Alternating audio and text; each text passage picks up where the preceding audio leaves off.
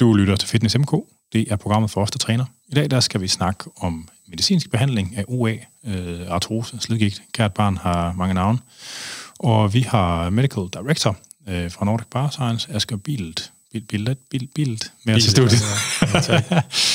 så øh, det kommer så egentlig af, at vi øh, for et par måneder siden, øh, der lavede vi en serie afsnit øh, i samarbejde med det, der hedder CAG Road, som er sådan en sammenslutning af forskningsenheder, der forsker i artrose, populært slidgigt. Øh, det var jo meget fysioterapeuter og kirurger og den slags.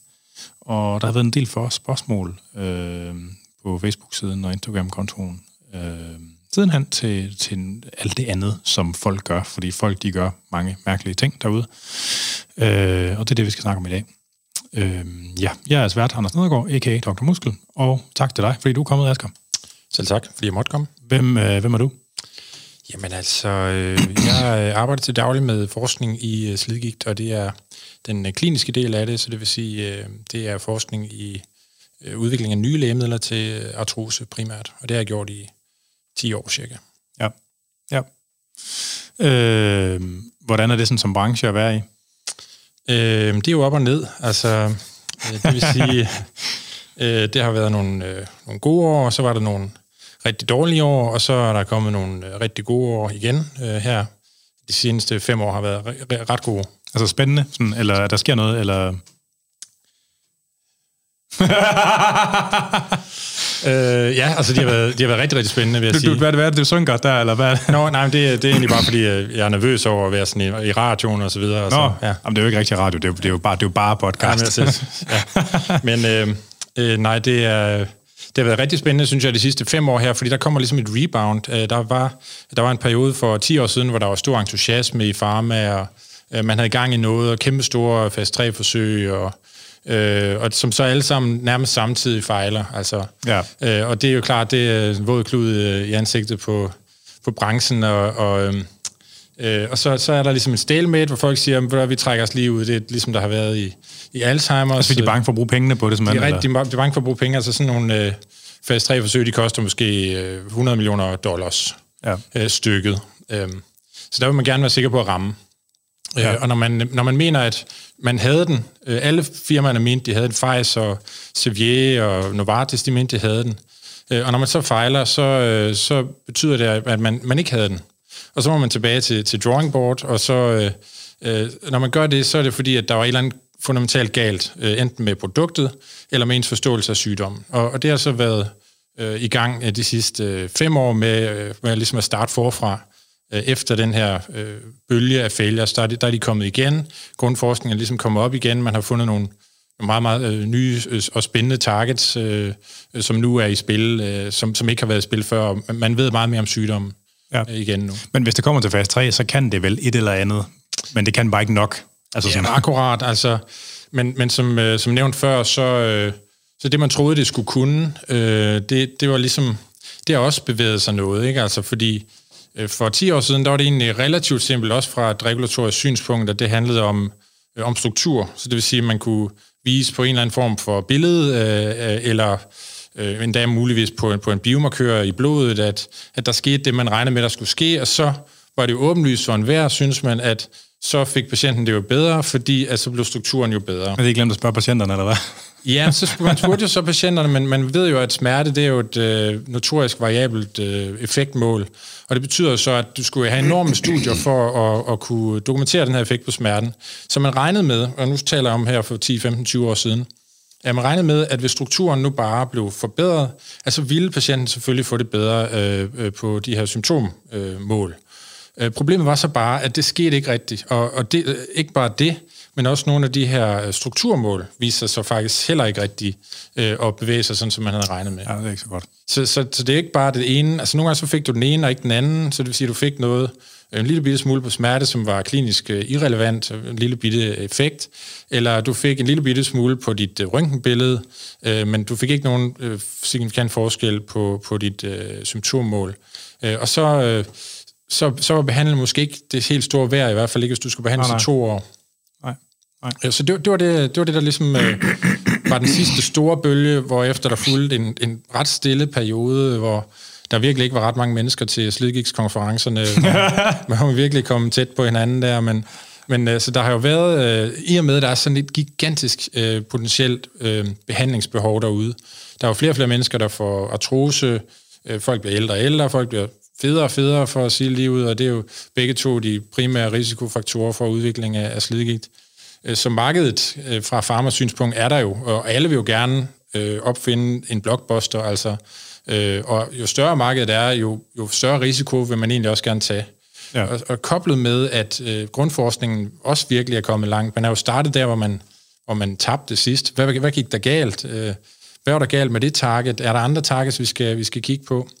Øh, og der er sket rigtig meget. Altså, nu taler man jo om anabolbehandling øh, på brusk, øh, som man faktisk ikke rigtig mente kunne lade sig gøre øh, før, i hvert fald ikke uden at, at gøre noget rigtig skidt ved patienten. Og det, det er jo faktisk blevet dokumenteret i mellemtiden, Nå. at du kunne få brusk til at vokse. Øh. Okay. Hm. Spændende. Det er jeg glad til at høre mere om. Ja. Øh, ja, jamen det, det bliver sgu rigtig spændende. Jeg tror, der er nogle lyttere derude, der bliver glade for at høre på os i dag. Øh, hvis du har os i ørerne, så skal du være velkommen til at kunne stille spørgsmål til nærværende eller tidligere programmer, eller foreslå nye, ligesom øh, det, der gør ophav til det her program. Og det kan man gøre på e-mailadressen afn eller på øh, programmets Facebook-side eller Instagram-side.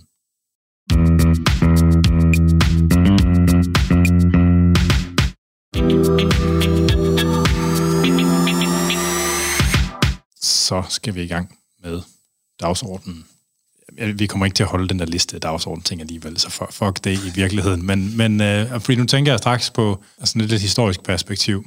Det kan godt være, at vi skal tage det først alligevel med, det her ligesom, altså, hvad, hvad, hvad, hvad, altså, nu er der vel ret beset kun antiinflammatorisk behandling og smertestillende behandling. Er det korrekt? Ja, det er symptom, altså symptomdirigeret behandling, så det, det, det eneste, der findes, det er symptomlindrende, ja. Det er korrekt, ja. ja. Og, og øh, øh, smertestillende er i form af almindelige sådan, hovedpinepiller, som rent det er ikke de stærke ting, vel? Jamen, altså det er egentlig, du bruger jo faktisk næsten alt, man bruger til forskellige typer smerte, og det er jo selvfølgelig i forskellige stadier af sygdommen, men altså, øh, som mange, meget andet, der, der er de jo lagt på en bund af paracetamol, ikke? Altså det, ja. det er typisk det, man vil starte. Et leje. Et leje af paracetamol, og gerne meget af det, men det er virkelig, virkelig ikke særlig effektivt. Altså de meta-analyser, der er lavet, det, det, er, det viser en, en effekt på cirka 4 ud af 100, ikke? Altså, så det er ekstremt ja. lidt. Ja. Øh, til gengæld så er risikoprofilen relativt gunstig, øh, og det er jo derfor, man bruger det så meget. Øh, der, hvor det begynder at blive noget effektivt, det er med NSAID, det er altså øh, diclofenac og ibuprofen, og dem vi, vi kender, og, og nogle, nogle af os elsker. Problemet med, med dem, det er koblet med en sygdom, der er kronisk øh, og livslang, øh, og ligesom ikke øh, kun, kun bliver værre.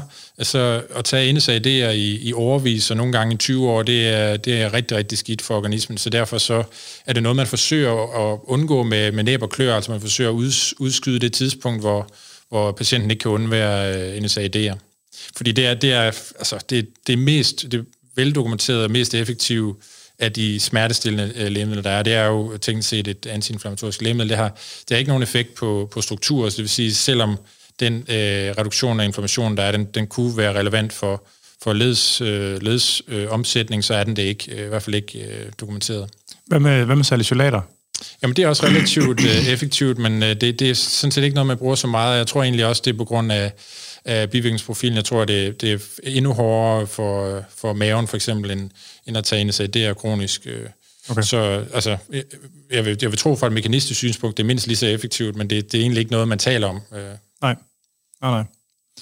Øh, og, man, og hvornår, altså, hvor, altså det næste skridt, det er jo sådan morfinpræparater, vel? Altså, ja, det... øh, jo, altså det kan det være, men så, altså der er jo noget off-label anvendelse af tricykliske antidepressiva, fordi, øh, og, og i det hele taget øh, nogle former for, for andre lægemidler, man egentlig reserverer mere til neuropatisk smerte, fordi at der er den her, øh, altså der, der, er, der er et element af neuropatisk smerte i, i, i de senere stadier af slidgigt, hvor, vil du ikke forklare det til dem, der ikke er med på, hvad det betyder? Jo, øh, altså neuropatisk smerte. Neuropatisk smerte er typisk noget, der opstår i forbindelse med, med nerveskader, hvor der sker en fejl i signaleringen af, fordi nerver typisk er involveret i smertesignalering, øh, og den, en nerveskade kan medføre en, en syg, øh, syg nerve, der er en øh, neuropati, hvor, øh, hvor det kan medføre, at du øh, øh, enten får øh, mærkelige fornemmelser, som ikke skulle være der, eller du får, får en konstant smerte et eller andet sted, ligesom fantomsmerte er også øh, grundlæggende neuropati.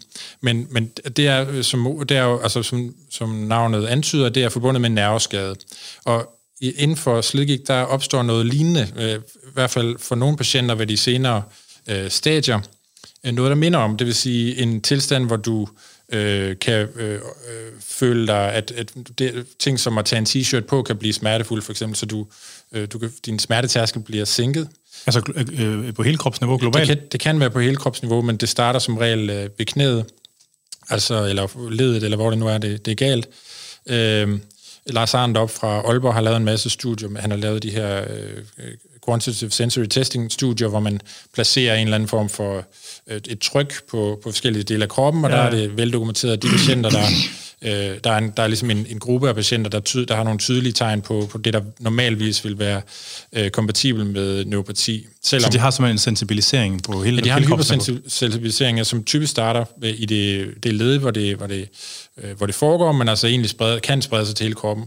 Det er gakket nok. Ja, det, men altså, jeg tror egentlig, øh, det er også ved at være nogenlunde velundersøgt, at hvis du har kronisk smerte, det vil sige, hvis du har smerte et eller andet sted, som bare er der konstant, at så vil der, øh, så vil der gå noget galt i, i de øh, signalveje. Typisk dem, der, der skal dæmpe øh, smerte, som kommer ligesom op fra og ned, øh, at det er dem, der ligesom fejler, øh, hvor det, hvor det hele den der øh, normale proces med, at hvis du har meget ondt, så, så kan du ligesom, så vil kroppen forsøge at dæmpe det, at det kan gå galt, så det ligesom kører sporet.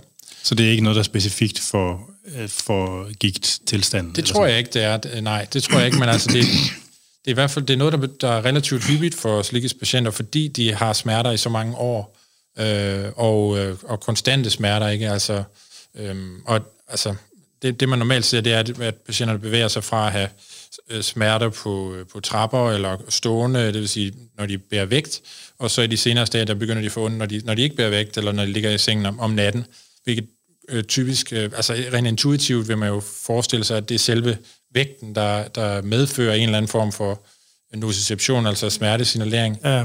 Øh, men, øh, men, men, øh, men det, at du ligger så helt uden vægt på din leder stadigvæk har ondt, det, det kan godt signalere, at der er gået noget andet i gang, ikke? at der sker et eller andet, som aktiverer øh, altså, din smertereceptorer, selvom de ikke burde gøre det. Og det er så der, hvor, hvor de lægemidler, som for eksempel tricykliske antidepressiva, som som egentlig kan anvendes til, til sådan nogle tilstande, de, de nogle gange bliver brugt. Det, det er ikke særlig hyppigt, øh, men, men det bliver anvendt også der. Og så er det vi over i morfika, som man egentlig helst ikke vil bruge, Nej. fordi det er faktisk ikke synderligt effektivt til, til, til den type smerter, som der er i, i slidgigt. Øh, men altså, så er det så, man går over til injicerbar behandling typisk, eller noget behandling, hvor man uh, injicerer direkte i ledet. Ja, ja.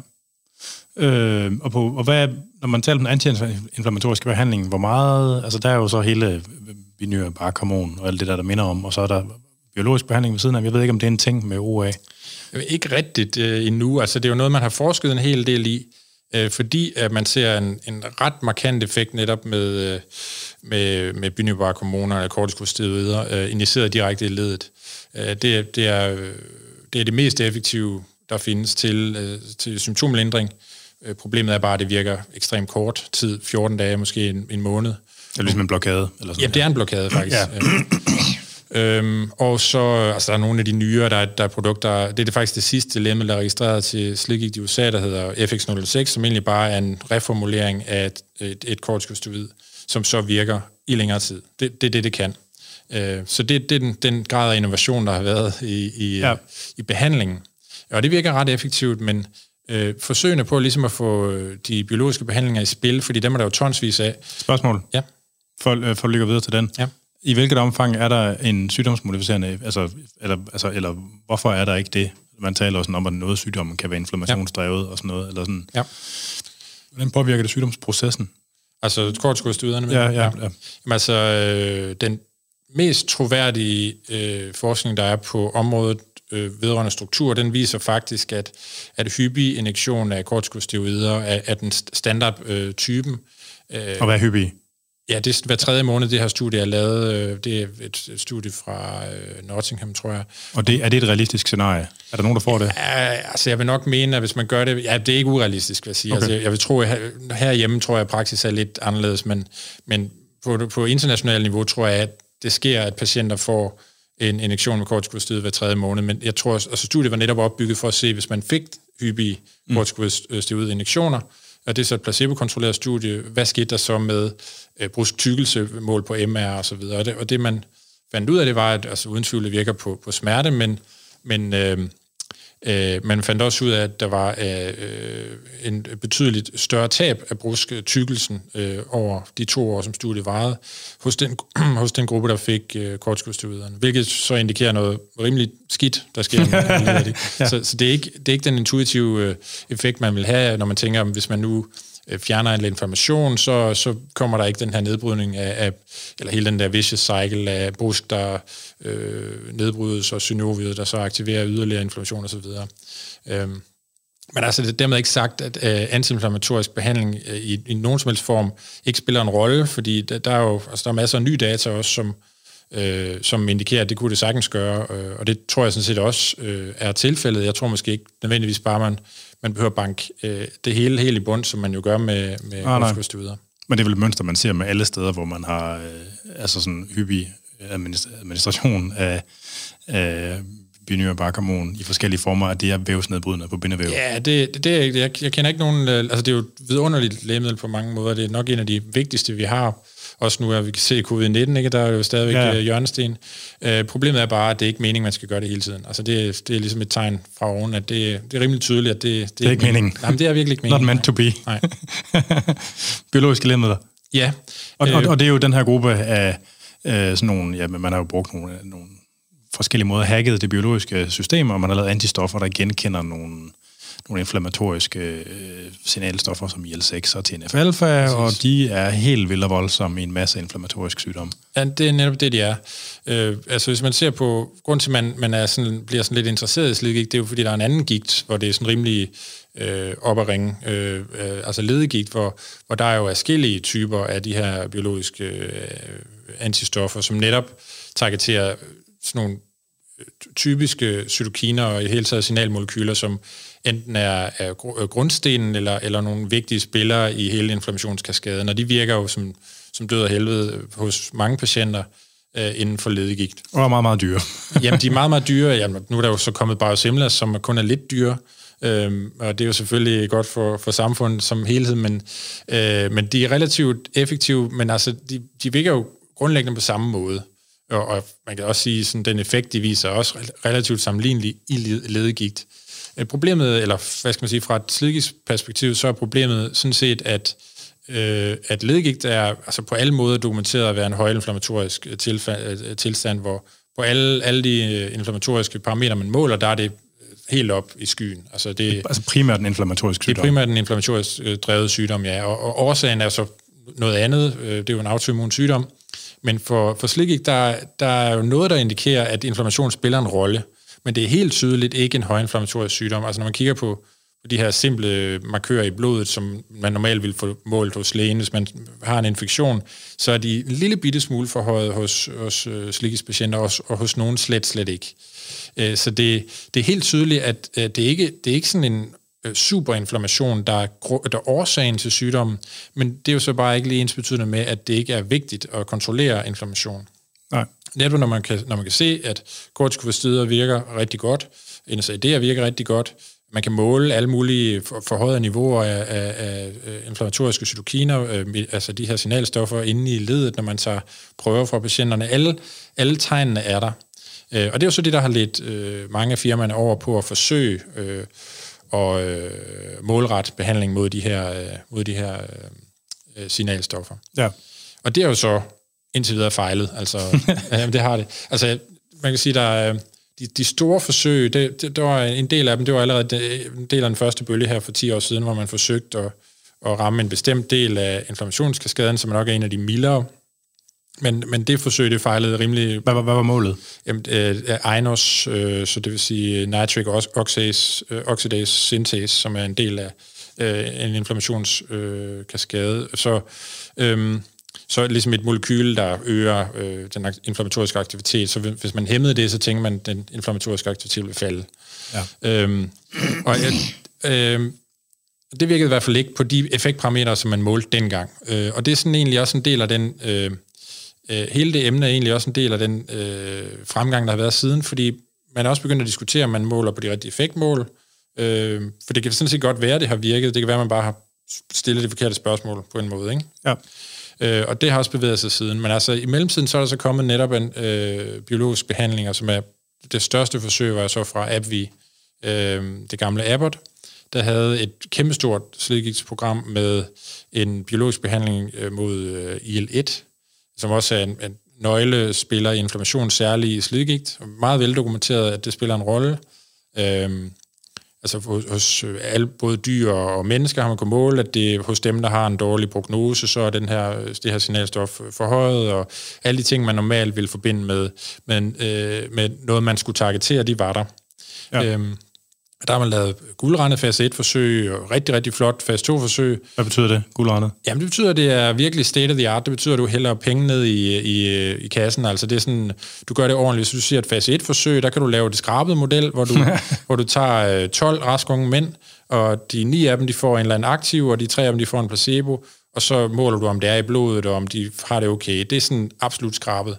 Og så kan du lave guldrendet, som så er, øh, hvor du tager først nogle raske frivillige, så nogle flere raske frivillige, så forskellige doser, så måske man prøver lidt, lidt flere doser efter hinanden, eller øh, så udvider man måske til at tage nogle, nogle få slidgigtspatienter. Og stadigvæk inden for fase 1? Stadigvæk inden for fase 1, så bevæger man sig over i det, man nok kalder fase 1b, men hvor du monitorerer dem meget tæt. Det er egentlig det, det handler om. Ikke? Du har få patienter, hvor du ikke er interesseret i den øh, sådan symptomlindrende effekt eller en strukturlindrende effekt, fordi det er studiet for kort til, men du måler øh, niveauet i blodet, så du er helt sikker på, hvor, hvor hvad er niveauet der, og øh, du måler farmakodynamik, det vil sige, du kan måle biomarkører, der er direkte forbundet med dit, øh, med dit lægemiddel, om de bevæger sig sådan, som de skal, osv. osv. Det, det er sådan et rigtig fint øh, fase 1-forsøg. Øh, øh, og det er, det er så sådan, sådan, de startede med det, og er gået over i et, et, et virkelig enormt fase 2-program, øh, hvor man har lavet øh, afskillige studier, både øh, i hånd, OA, altså hånd, øh, slidgigt i hænderne, og i knæene, så, hvor knæene er så den hyppigste, øh, med øh, altså MR, øh, hvad hedder det, MR-scannings øh, effektmål, som er notorisk dyre. Øh, både, øh, og ikke nok med det, så har de jo også øh, forsøgt at udvælge patienter, der har en aktiv inflammation, ved at anvende MR ved screening. Ja. Øh, og det, det lyder måske nemt nok, øh, men problemet er, at et MR-scan er dyrt, og en screeningsperiode, øh, øh screening, øh, screening til et klinisk studie, det, det, det kan blive rigtig, rigtig dyrt, hvis du screener mange af dem fra. Ja. Og i det studie her, der endte de med at screene 90% af deltagerne fra på deres MR-metode. Og hvor mange har man igennem? 100 eller 1000? Eller? Altså, af det screenede, der tror jeg, man var oppe på 3000. Oh! 3.000 screenet, 3 eller 4.000. Man må håbe, de har købt deres egen MR-scanner til det. Det har de jo ikke, fordi de jo, de, så arbejder de jo sammen med sådan nogen som os, ja, ja, øh, ja. som er ude at finde de centre, der, øh, der har MR-scanner. Og et MR-scan koster, ja, det er sådan en studie der, sådan et scan koster måske 5.000 dansk kroner, eller øh, måske lidt mere, ikke? Okay. Øh, og det er blevet så billigt nu alligevel? Ja, det kommer an på, hvor du laver det, ikke? Men, øh, men, men det skal også være ordentlig kvalitet. Men... Øh, Øh, men du tager rigtig, rigtig mange af de her scans, så alene øh, MR-delen kan godt koste 20, 25, 30 procent af hele dit udviklingsprogram. Ja. Ja. Øhm, og når man så fejler, så er det, man siger, det gør jeg ikke igen, det der som farma ikke? Ja. Øhm, fordi det var på sin vis et rigtig flot studie. Hvor langt nåede det? Jamen, det var så til fase 2b. Okay. Øh, så det vil sige, den, et, et, der hvor man virkelig skulle have proof of concept. Nu skal vi vise, at det her lægemiddel det virker på struktur, og det virker på, øh, på symptommålene. Og det skal være på en måde, så der ikke er nogen, der siger, ej, jeg er lidt i tvivl om et eller andet. Ikke? Ja.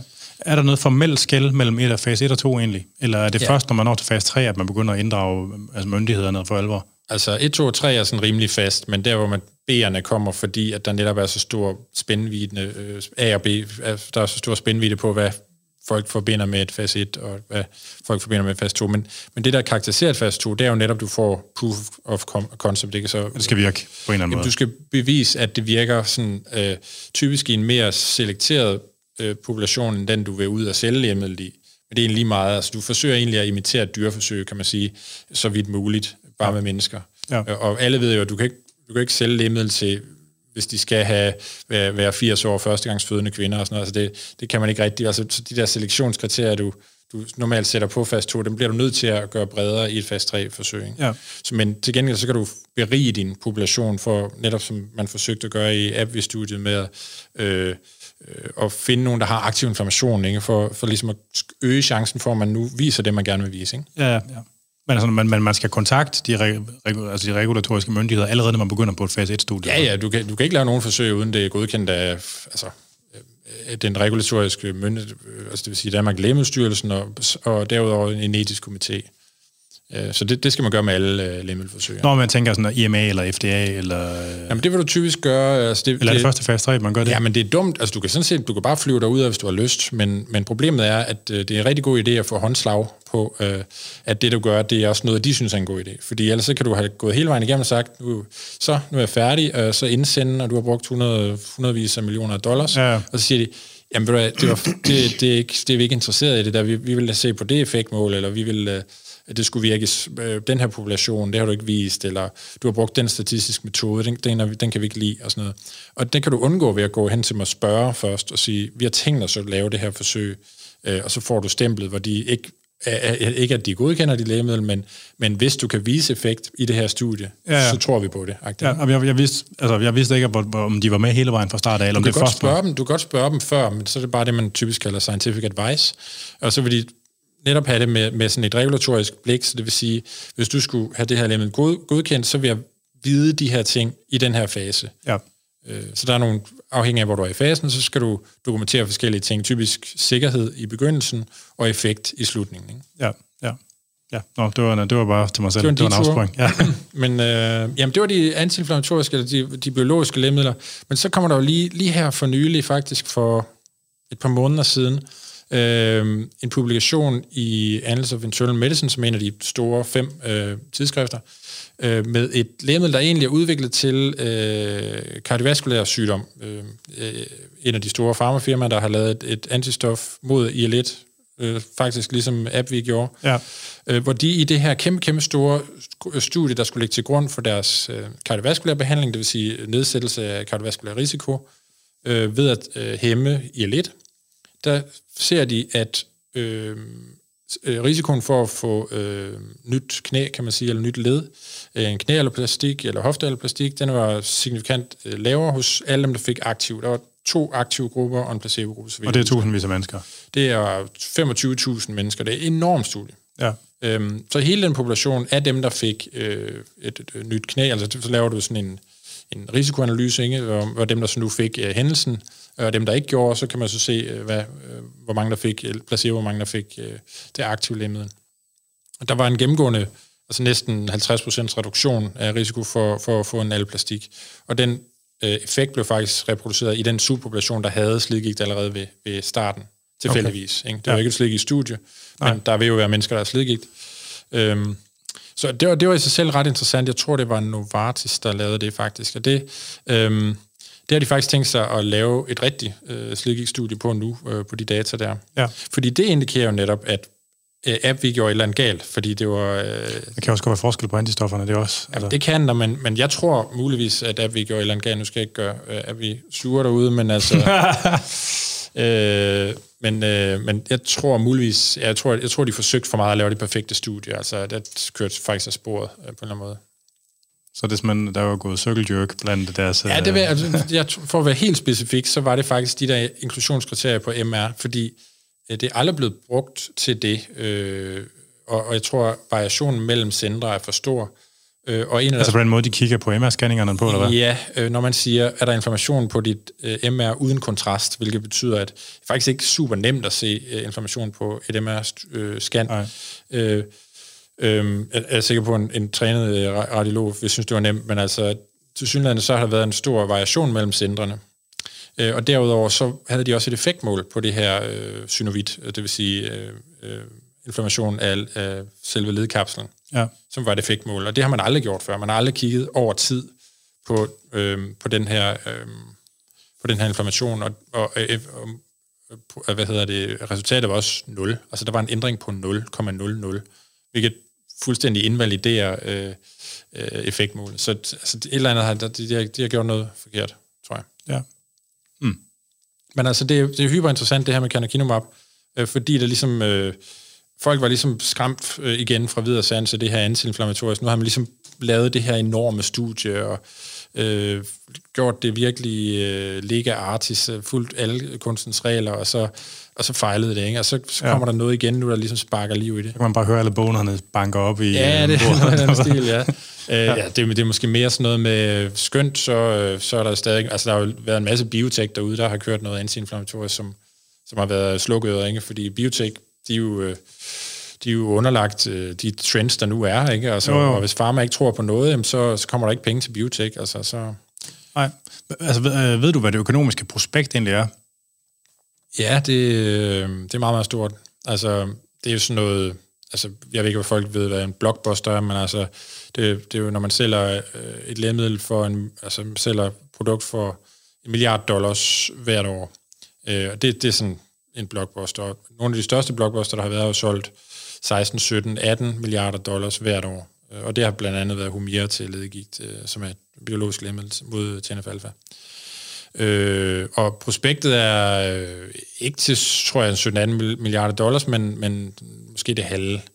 Øh, fordi det, det, er ikke, det er ikke sandsynligt, tror jeg, at der kommer et lægemiddel, som alle slidgigtspatienter skal have. Øh, så når først man får hul på bylden, så vil der være nogle stykker, det, eller hvad? Jamen altså, det øjeblik, der bliver en godkendelse af et sygdomsmodificerende lægemiddel i slidgigt, så, så kommer det, vi kalder lemming-effekten, altså så vil de alle sammen gerne være med, ikke? Altså, ja. smider de bare alt, hvad de har, og så det skal vi også. Ikke? Og som ikke andet, så laver de et såkaldt MeToo-produkt, hvor de laver, går efter den samme target, eller også så prøver de at finde noget nyt og spændende, fordi hvis det ene virker, hvorfor skulle det andet så ikke også virke? Ja. Er der en effekt af, ligesom på den regulatoriske side, at hvis først der er åbnet for bølgen, at så får man måske godkendt noget, man ikke ville have godkendt før der var hul? Er, er det noget, man sådan snakker om, eller noget, der er observeret tidligere? Øh, altså, af gode grunde ikke inden for slidgigt, fordi der er ligesom ikke registreret nej, nej, nej. Noget, og det er faktisk nærmest blevet sværere, øh, hvis vi skal ind på den, fordi øh, for indtil for tre år siden, der var de guidelines, der var fra FDA, de var fra 1999, og dem, der var fra EMA, tror jeg, det var 2011 eller sådan et eller andet. Og i dem, det, det er de retningslinjer, hvor der står, øh, hvad du skal bevise, dit lægemiddel kan. Og inden for slikket, der skulle du så bevise, at øh, meget specifikt, at du skulle vise, at øh, dit lægemiddel, det øh, hindrede øh, indsnævring af ledspalten på et røntgenbillede. Altså brusktab i virkeligheden. Ja, det er så et, som surrogat for brusktab, ikke? Ja. Men det skulle også øh, vises noget på symptomer, men de to behøvede ikke nødvendigvis at ske samtidig, fordi det er jo plausibelt at antage, at hvis du over tid øh, i et studie, hvor du sammenligner en gruppe, der får et lægemiddel, øh, og en, der ikke gør, at så vil effekt, øh, hvad hedder symptom, den sym, sym, forskellen i symptomer måske ikke indtræde lige det øjeblik, øh, hvor der er en forskel i, i ledspaltens øh, indsnævring, hvis du forstår. Ja. At det, det kan være noget, der sker om nogle år. Og det anerkender de så i de gamle guidelines, at øh, du skal i hvert fald vise noget på, på x-rays, altså på røntgen, hvor du viser, øh, at du, dit lægemiddel medfører en mindre indsnævring af ledspalten, og på et tidspunkt skal du også vise noget med symptomer. Og med de nye guidelines, der kom i 2017, 18 stykker fra FDA, så, øh, så lagde man faktisk det hele øh, ned og sagde, vi er faktisk mere eller mindre ligeglade med øh, dit billede. Vi er ligeglade med, hvad det er for et billede. Det, der er vigtigt, det er øh, A, at det, historien den hænger sammen. Så det vil sige, hvis du kommer til mig og siger, at mit billede det viser, øh, at det hæmmer indsnævring i ledspalten, så gider vi ikke kigge på det, hvis der ikke er en forskel i symptomer. Fordi så betyder det ingenting så kan du, tænkt set kunne du have bygget øh, cement ind i ledet, øh, og så, så er det jo klart, at så, så, så hæmmer du indsnøringen i ledspalten, men det er ikke sikkert, at det er bedre for patienten. Agtigt. Øh, og det har ligesom øh, faktisk øh, givet øh, fældet nu en ny losing, fordi at det er netop det, man har gjort alle årene. Man har bare lavet det den her skabelon, der hedder, Nå, vi tager det her x-ray, og så to år senere tager vi et x-ray mere, og så kigger vi så på, øh, om de her to knogler, de er kommet tættere på hinanden, og hvis, hvis øh, den gruppe, der har fået lægemiddel, der, det, det, det, de ikke er kommet tættere på hinanden, godt, så, så super, så har jeg verdens bedste lægemiddel. Øh, men det har så ikke været tilfældet. Nej. Øhm, og at, så det er, det er svært for farma nu at vide, hvad det er, vi skal, altså fordi det essentielt set, så øh, er der jo så kun symptomlindring tilbage, samtidig med, at myndighederne anerkender jo så, at der kan være øh, en benefice af at modificere strukturen, men det de siger, det er bare, at der skal være øh, et clinical benefit, som de kalder det, og det kan så være, øh, at du udsætter tiden til øh, eller hoftealloplastik. Det er ikke specifikt defineret, men det kunne være et, et, et, et effektmål. Det kan både være godt og skidt jo, sådan, altså på den måde. Jamen, det, det er også sådan lidt, altså, nogle af de meget øh, super effektive øh, sygdomsmodif- eller symptommodificerende behandling, der er i, i, i udvikling, de kan sagtens udsætte tiden til alplastik, men de gør bestemt ikke noget for ledet. Altså, det er jo kun fordi, at patienten så kan tåle at leve i længere tid, uden at få et nyt led, men det gør dem jo ikke sygdomsmodificerende. Vel? Nej, nej.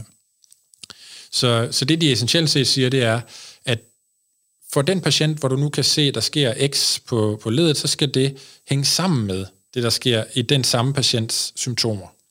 Så det vil sige, at du skal korrelere ja. øh, dit øh, billede med, din, øh, med symptomerne, og du skal også kunne forklare, hvorfor det sker. Ja. Øh, og ikke bare ud fra litteraturen, du skal selv kunne forklare, at det virker på den der måde, øh, og så er det åbenlyst for enhver efter 20 sider, hvor du har forklaret det, og derfor bliver det lige med symptomlindring. Ikke? Ja. Øh, og det har vist sig at være svært for farmer at forklare, øh, for de har bare sagt, øh, mere brusk, lige med symptomlindring, så, så har øh, myndighederne sagt, det der ind imellem, det, det er ikke godt nok. Du er nødt til at forklare noget mere. Ja. Øhm, men altså, altså, hvis vi skal blive i, i den boldgade, så tror jeg personligt, det netop hænger sammen med det, jeg nævnte før med, at øh, man har udviklet behandlinger, der faktisk øh, får brusk til at vokse. Og det tror, jeg, det tror jeg slet ikke, at myndighederne var klar på før. Øh, for der handler det bare om at hæmme nedbrydning ja, ja. af brusk. Og med det, så vil det jo være mere sandsynligt, at hæmning af nedbrydning, det er ligesom, der var ligesom ikke nogen risiko for, at det væv, der var tilbage, det blev mærkeligt, eller i hvert fald mindre risiko. Nej. Men når du begynder at opbygge øh, væv, så er risikoen for, at du opbygger mærkeligt væv, øh, den, den er jo større, altså. Ja, der er, noget, sige, er det dysfunktionelt på en ja, eller anden måde. Ja, på en eller anden måde. Ja, så handler det lige pludselig om noget andet. så skal du til at dokumentere, at det er brugbart væv, eller det er ægte væv, du har opbygget. Og på den måde, så bliver hele det her med øh, forskellen i ledspalten, øh, så, så bliver det ligesom mindre væsentligt. Så bliver man nødt til at bygge guideline på en anden måde. Ja. Øh, og, og, det er der, og det er ikke gjort endnu? Jamen, det er sådan netop bygget guideline på en anden måde, men man har så ikke forstået ligesom, at man, man har tænkt fra, ud fra den gamle jo. Man har tænkt, hvis jeg nu opbygger det her brusk, øh, øh, nu er det 0,05 mm højere, end det var før, så der så øh, om p-værdi under 0,05, øh, så, så vinder jeg og løber hen til myndighederne med det, og så siger de, jamen, hvor, hvorfor, altså, det, så må du forklare, hvad det er, hvor, hvor godt øh, det der væv er, og så skal det jo virke tilsvarende på, på symptomer. Ja, men det gør det ikke lige helt, men det, det, det kommer det til. Og, øhm, så, så er det hele ligesom op i luften igen nu, ikke? Ja. Øh, og det, det, har, det har medført, at mange af de behandlinger, der har været ret sent henne, at de har egentlig switchet mere eller mindre til en næsten ren symptomlindrende øh, target. Altså de programmer, der var hos... Ja, præcis, ja. ja okay. Hvor man har, nedprioriteret strukturdelen af det. Øh, hvor, og det er der sikkert en masse grundvidenskabsfolk, der har det sådan lidt stramt med. Øhm, altså, lige præcis de lægemidler, hvor for, for for hvem eller for hvilke, der, der er blevet lavet en her ændring, så tror jeg egentlig, det er et godt move af dem, for jeg tror personligt ikke, der var nogen sygdomsmodificerende effekt af det. Men, øh, men det er frustrerende jo for netop for biotech, der står og har faktisk et super godt program, hvor så de farmer, der skal investere eller købe lægemidlet, de kan ikke se vejen frem. De kan ikke, de kan ikke forstå, øh, hvad er det for en case, jeg køber her. Hvis du, så bliver det jo bare en ny sy- øh, symptomlindrende behandling. Der er jo masser af de andre så, så er det jo lige pludselig ikke det der kæmpe marked der, øh, hvor patienten skal behandles hele sit liv, eller øh, kan behandles i fem år, og så er kureret, eller sådan noget. Ikke? Altså, det, det er jo der, man gerne vil hen. Ja, ja, ja. Øh, og det er jo ikke, fordi behandling ikke nødvendigvis kan det, men den regulatoriske vej til det eksisterer ikke rigtig lige nu. Nej. Så vil du sige noget mere om den anaboliske behandling der? Altså på, ja, det vil jeg rigtig gerne. Altså, fordi det er jo helt nyt for mig. Det anede jeg ikke fandtes. Okay, ja, men der, der er nogle stykker faktisk. Eller, øh, altså den, der er længst, det er jo det, er jo det her tidligere møg øh, lægemiddel, der hedder Sprifamin. Som er, Sprifamin? Ja. Og det har du hørt før. Ja. Har, det, har det været godkendt til noget andet? Nej, nej, det har det ikke, men det har jo været under udvikling i utrolig lang tid. Vi har jo selv øh, lavet øh, fast 2-studiet øh, i øh, Nordic Bioscience Regi, øh, hvor så øh, det, det her fast 2B-studie, som så var et femårsstudie, hvor man behandlede i 18 måneder, det vil sige, hver 6. måned fik man en injektion af det her. Øh, øh, intraartikulært. Intraartikulært, faktisk. Ledet, ja. ja. Tre på hinanden følgende uger, så en pause på 6 måneder, tre på hinanden følgende uger, i, i øh, tre serier, så det vil, eller fire serier, så det vil sige 0, 6 måneder, 12 måneder, øh, 18 måneder, og så egentlig fulgt dem derfra. Og der har man kigget på brudstykkelse på MR. Øh, og der kan man se en dosisafhængig øh, sti, øh, øgning i brudstykkelsen med det her lægemiddel. Ikke? Wicked. Ja, det er ret wicked faktisk. Problemet var så i det studie, at det, var jo netop bygget ud fra de guidelines, som hed, vis nu det struktur. Lad os nu se den her ændring i, i struktur. Og symptomerne, det betyder ikke så meget. Så det vil sige, at det var et strukturstudie. og out, outcome bliver så virkelig flotte strukturresultater, men ingen forskel i smerte. Og det er jo essentielt set altså et designproblem, fordi man fokuserede ikke rigtigt på det. Så populationen var egentlig øh, en, for hvem patienterne ikke rigtig havde den grad af smerte. Man, man vil lave et, et rigtigt smertestudie nu. Øhm, øh, og så det så man gerne have haft noget, der mere ondt til at starte med. Så ja, man for kunne... det her øh, window for opportunity, eller ligesom den her øh, room for improvement, det var, det var lav, relativt lav, så det er statistisk svært at forbedre noget, der er, altså, der er relativt ja, ja. godt. Det er ikke, fordi de ikke havde smerte, men, men, øh, men den gennemsnitlige øh, grad af smerte var lavere, end man havde regnet med egentlig. Men ja. det var ikke så vigtigt, fordi det handlede om struktur, ikke? Jo. Øh, Hvordan så de ud inde i ledene? Undskyld? Hvordan så de ud inde i? Jamen, altså, der, var det fint og glat? Og, nej, de, de har jo så det, der hedder Kelvin Lawrence 2 og 3, så det vil sige midt i spektret. Så det er... Begyndende, eller sådan moderat slidgigt, øh, hvor de fleste havde faktisk relativt mild slidgigt. Men, men når der så kommer mere brusk, er det ja. ligesom er det over hele ledfladen? Ja, altså det, det, det ved vi ikke fra det her studie. Altså, men det har de Merck så lavet faktisk også rigtig mange fine studier på før, hvor man har lavet dyreforsøg med heste og geder og rotter og alt muligt, som man har øh, lavet nogle rimelig invasive procedurer på, hvor man netop kan konstatere, at det er hyalinbrusk, man får ud. Det er et rigtig fint brusk, man, man laver. Ikke? Okay. Øhm, øh, og deres fase 1 program var faktisk meget sejt i det, at de øh, behandlede patienter, der var øh, skrevet op til alplastik, så fik de det her, den her behandling, og så, så skulle de jo så undergå den her alplastik, og så fik de ligesom specimen bagefter. Så kunne de jo så se på den brusk, der nu kom ud. Oh ja. Man kunne ikke rigtig se, hvordan det så ud før, vel, men man, man kunne så trods alt se, om, det, om der skete noget. Ikke? Jo. Øhm, så på den måde, så er det sådan rimelig øh, velunderbygget, vil jeg mene, at øh, det er sådan nogenlunde fin væv, det danner. Ikke? Øhm, og netop for at korrigere for den her designfejl, man, man nu havde i det her øh, studie, forward-studie, som det hedder, øh, så har man jo lavet øh, trick nummer et, som er en post-hoc-analyse, øh, hvor man så tager hvor man så tager netop og selekterer den gruppe, man nu synes, man egentlig gerne ville have haft. Så det vil ja. sige dem, der for det første havde brusk, der allerede var moderat skadet. Så det vil sige, der var noget at forbedre på brusksiden, og at øh, der var en smerte af en bare, bare sådan en almindelig moderat grad og op efter. Ja. Øh, og i den her gruppe, faktisk den ene gruppe, øh, hvis du bare tager dem, der havde moderat smerte, så var der en fin effekt af, af på smerte. På smerte. Og du har den her gruppe, der havde øh, småt skadet øh, brusk, så var der også en fin effekt både på, på smerte og på struktur. Men når du lægger dem sammen, så er den endnu større. Ikke? Øh, at de, de er publiceret i nogle abstracts på, på forskellige konferencer. Men det synes jeg er hyperinteressant faktisk, fordi der har du netop, der har du the holy grail, altså hvis du spørger mig, ikke? Mm. Øh, fordi så har du en, en, øh, ikke bare en hæmning af nedbrydning af brusk, du har rent, rent faktisk opbygning af ny brusk, som medfører øh, en øh, effekt på smerte, som er signifikant højere end placebo. Øh, det er jo det, man gerne vil vise. Ikke? Og jeg, jeg tror egentlig, at havde man vist det øh, fra starten, så tror jeg egentlig, at myndighederne havde reageret anderledes. Jeg er der tror, nogen, der er på den der nu så? Jamen, den er lidt i et limbo, fordi øh, Merck, de har officielt sagt, de øh, af strategiske årsager er vi ude af slidgigt. For det, det var det eneste, de havde tilbage i noget, der overhovedet mindede om noget andet end onkologi. Så nu er de på onkologi. Så de har forsøgt at afsætte det, men netop øh, af årsager, som inkluderer, at der er en svær regulatorisk øh, pathway, så, så har det været svært at afsætte det for dem. Ikke? Men, øh, det, så det er for, ender formodentlig med, at der er nogle andre, der køber en licens på det, eller køber Ja, det, det, vil jeg, det vil jeg stærkt formode og så gå videre med udviklingen af det. Ja, det, det skal man jo gøre, for ellers så har man spildt penge. Ja. Bevares, ja. Nå, interessant. Ja. Ja, så det vil, det vil jeg også mene, det er det mest lovende egentlig, at de lægemidler, der er derude, øh, og der er nogle andre, der, der kunne have noget potentiale, men der er vi over i noget, nogle andre typer behandlinger. Altså, jeg synes egentlig, at Sprifamin er det, der er mest velundersøgt, øh, og har den bedste hypotese. Hvad virker det på?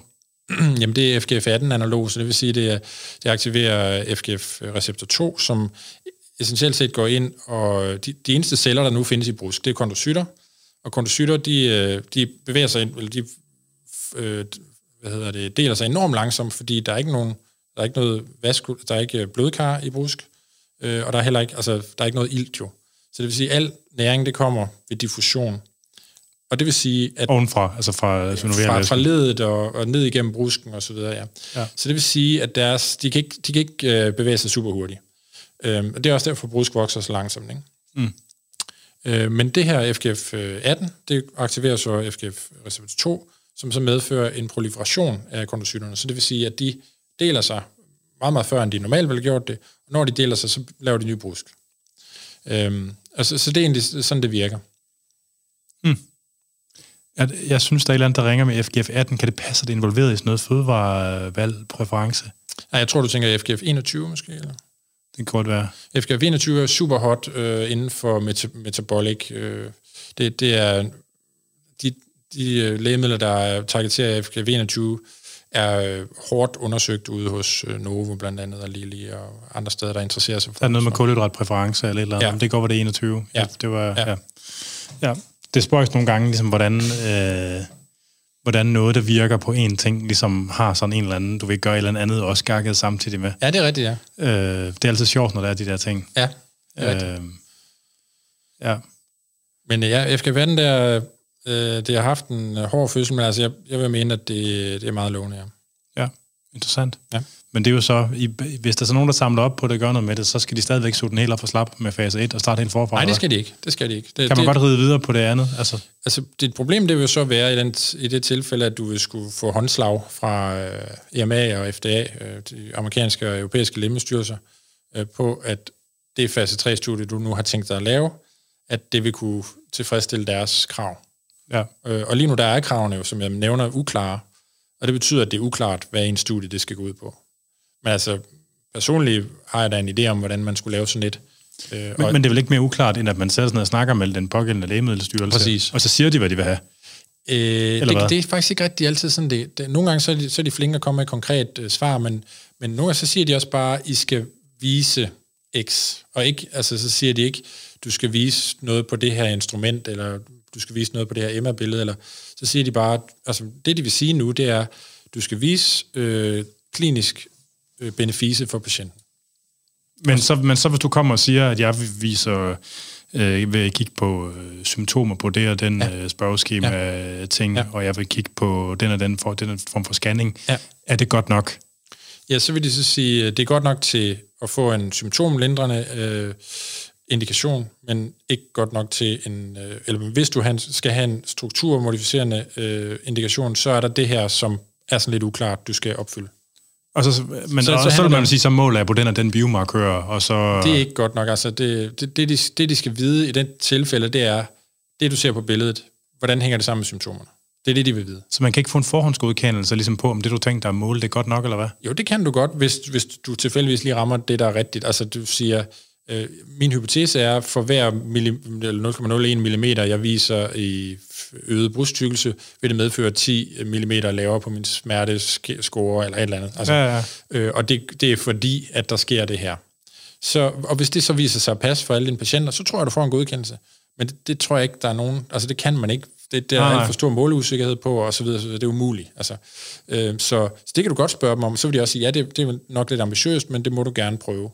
Øh, så, så et realistisk bud, det, jeg siger ikke, det er umuligt. Øh, øh, og øh, altså, jeg har en eller anden filosofi, at, at hvis du øh, præsenterer dem for et ambitiøst studie, som du selv tror på, som vil besvare de spørgsmål, de har. Det kan godt være, at de ikke selv ved, øh, hvordan de har stillet det, men hvor du viser en bravende effekt på struktur og en bravende effekt på, på smerte, så skal de nok finde en måde at få det godkendt på. Fordi så er der jo også altså, så er der jo pres fra Public interest og alt det der. ja, public interest og scientific interest, og altså, altså, så kommer det lidt af sig selv. Ikke? ja, ja.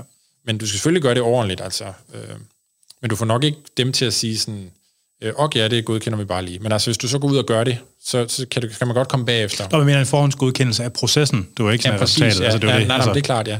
altså, hvis vi måler det her, er det, og vi får den effekt, er det så Jamen, et det, det er typisk det, man spørger dem om. Altså, det er Ja. jo ligesom, hvis jeg nu bruger den her metode, eller, og så jeg viser et eller andet, så, så kan de svare på, om metoden er acceptabel. Det er det, jeg mente. Ja, Ja, ja. Det, det kan de godt svare på. Ja. Men, men øh, det er jo sådan noget, så, så vil man også typisk sige noget om, at det skal være et klinisk relevant øh, øh, resultat, du har. Og på brysttykkelse på MR, der er det lidt svært at sige, hvad hvad, der er klinisk relevant. Ja. Altså, jeg vil sige, øh, der er nogen, der har forsøgt at det er virkelig godt forsøg, men det, det har ikke været nok til, at de siger, at det er vi enige i. Altså. Mm-hmm. Det, er, ja, det er problematisk. Ja. Ja. Spændende. Men så det er i bedste fald 10 år ude, eller det ved jeg sgu ikke, ah, 7, 5-7 år, så i bedste fald ude i fremtiden, eller hvad? Nej, ah, det mener jeg faktisk ikke, altså, fordi det, vi, altså, det er jo lige færdigt med fase 2. Ja. Det, det er fase 3 ready, vil man sige, ikke? Ja. Øh, så det, der kræves, det er, at øh, der er nogen, der har øh, sådan ligesom ressourcerne til at sparke det ind i fase 3. Og så er det jo spørgsmålet, hvor lang tid det fase 3 det skal vare. Men altså, vil være en proces med at overtage lægemidlet og licensen? Jo, og men altså, det, det kan man jo så gøre i den periode, hvor man alligevel skal bruge til at forberede det forsøg der, som jo typisk tager et halvt år eller sådan noget. Altså. Så det har været i bedste fald, hvis man sådan virkelig drømmer, så har det været tre år? Eller? Ja, tre år, så, altså tre år, så, så, så, så er alting gået smooth. Og, ja, interessant. Måske, måske fire. Men, så hvis ja. man sidder med en milliard derude, og sådan... Ja, hvis den brænder lidt i lommen ja, der. Så, så kunne ja. der være et projekt, ja, der ligger der. Det, så har det mit stempel i hvert fald. Ja. Hmm. Øh, altså, det er jo, det er jo sådan, det er jo, altså, når man tænker på, altså, hvor mange penge tror du, der er blevet brugt på lægemiddeludvikling i alt på at lave? Altså, der er jo lavet studier på, hvad det koster at lave et lægemiddel ja. i gennemsnit. Og, og det er jo sjovt nok... Det... Men det afhænger af, hvor langt det går i processen også, ikke?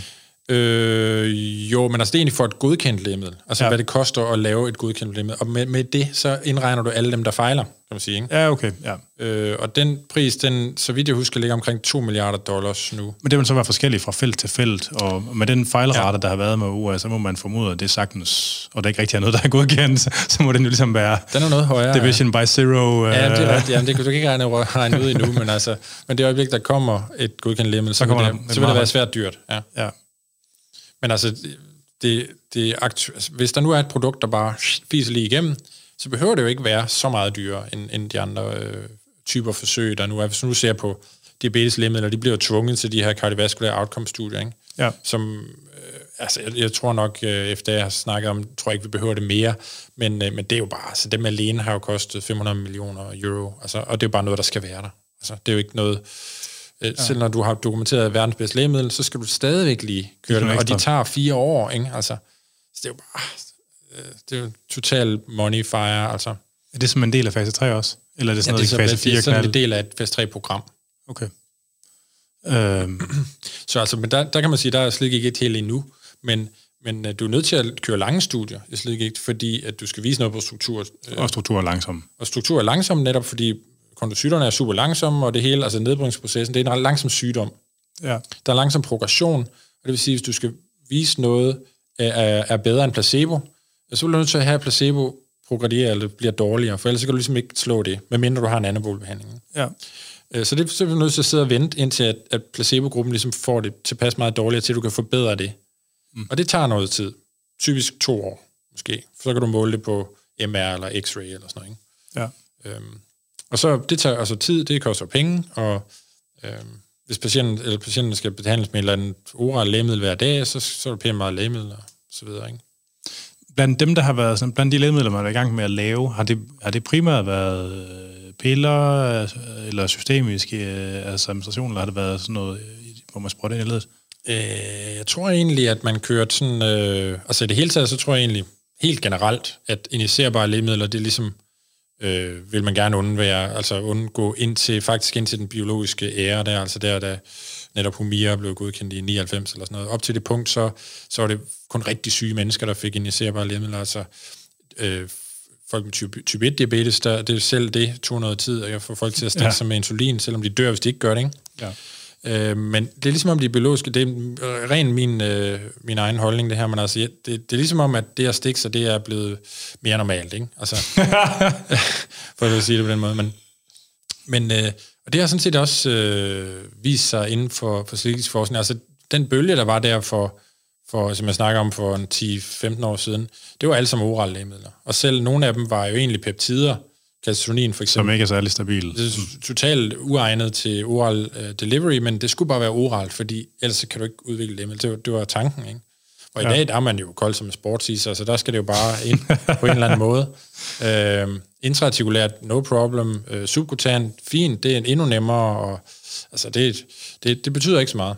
På trods af, at det er noget, som man skal til lægen for at få administreret. Ja, ikke bare inde i læge, altså det, der er jo mange læger, der. Ultralydsguidet, eller... Ja, det, det vil typisk være, altså det er folk, der har erfaring med den slags. Der er jo mange specialer, der kan gøre det, øh, men, øh, men, men hvis det skal gøres rigtigt, så, så vil det jo nok i bedste fald være en rheumatolog eller en ortoped. Eller så man skal faktisk på en speciallægeklinik? Altså, Eller som jeg siger, der er jo der er meget veltrænede øh, andre specialer, der er også fysioterapeuter, der initierer, øh, men, men det, er ikke, det, er ikke noget, det, er ikke, det er ikke en triviel opgave, faktisk. Nej, nej. Ja, det er jo sådan en interessant sådan add-on, der kommer sådan på logistikken i det, hvis, man, hvis det når igennem. Ja. Jamen, det er der, ja, det, det kan man sige, men der, derudover så er det også sådan, du behandler jo kun det ene led. Altså. Ja. Og det er også det, al din evidens er opbygget på, det er det ene led. Hvor før, der var det jo den systemiske cirkulation, så der, der var det teknisk set alle led jo. Ja. Øh, og det er jo så, altså, de, de fleste de lægemidler, der er lovende, der er et enkelt oral, men ellers så er de fleste intraartikulære øh, indicerede lægemidler. Af dem, der er sådan langt i udviklingen. Ja, ja. Jeg vil lige tage en skiller.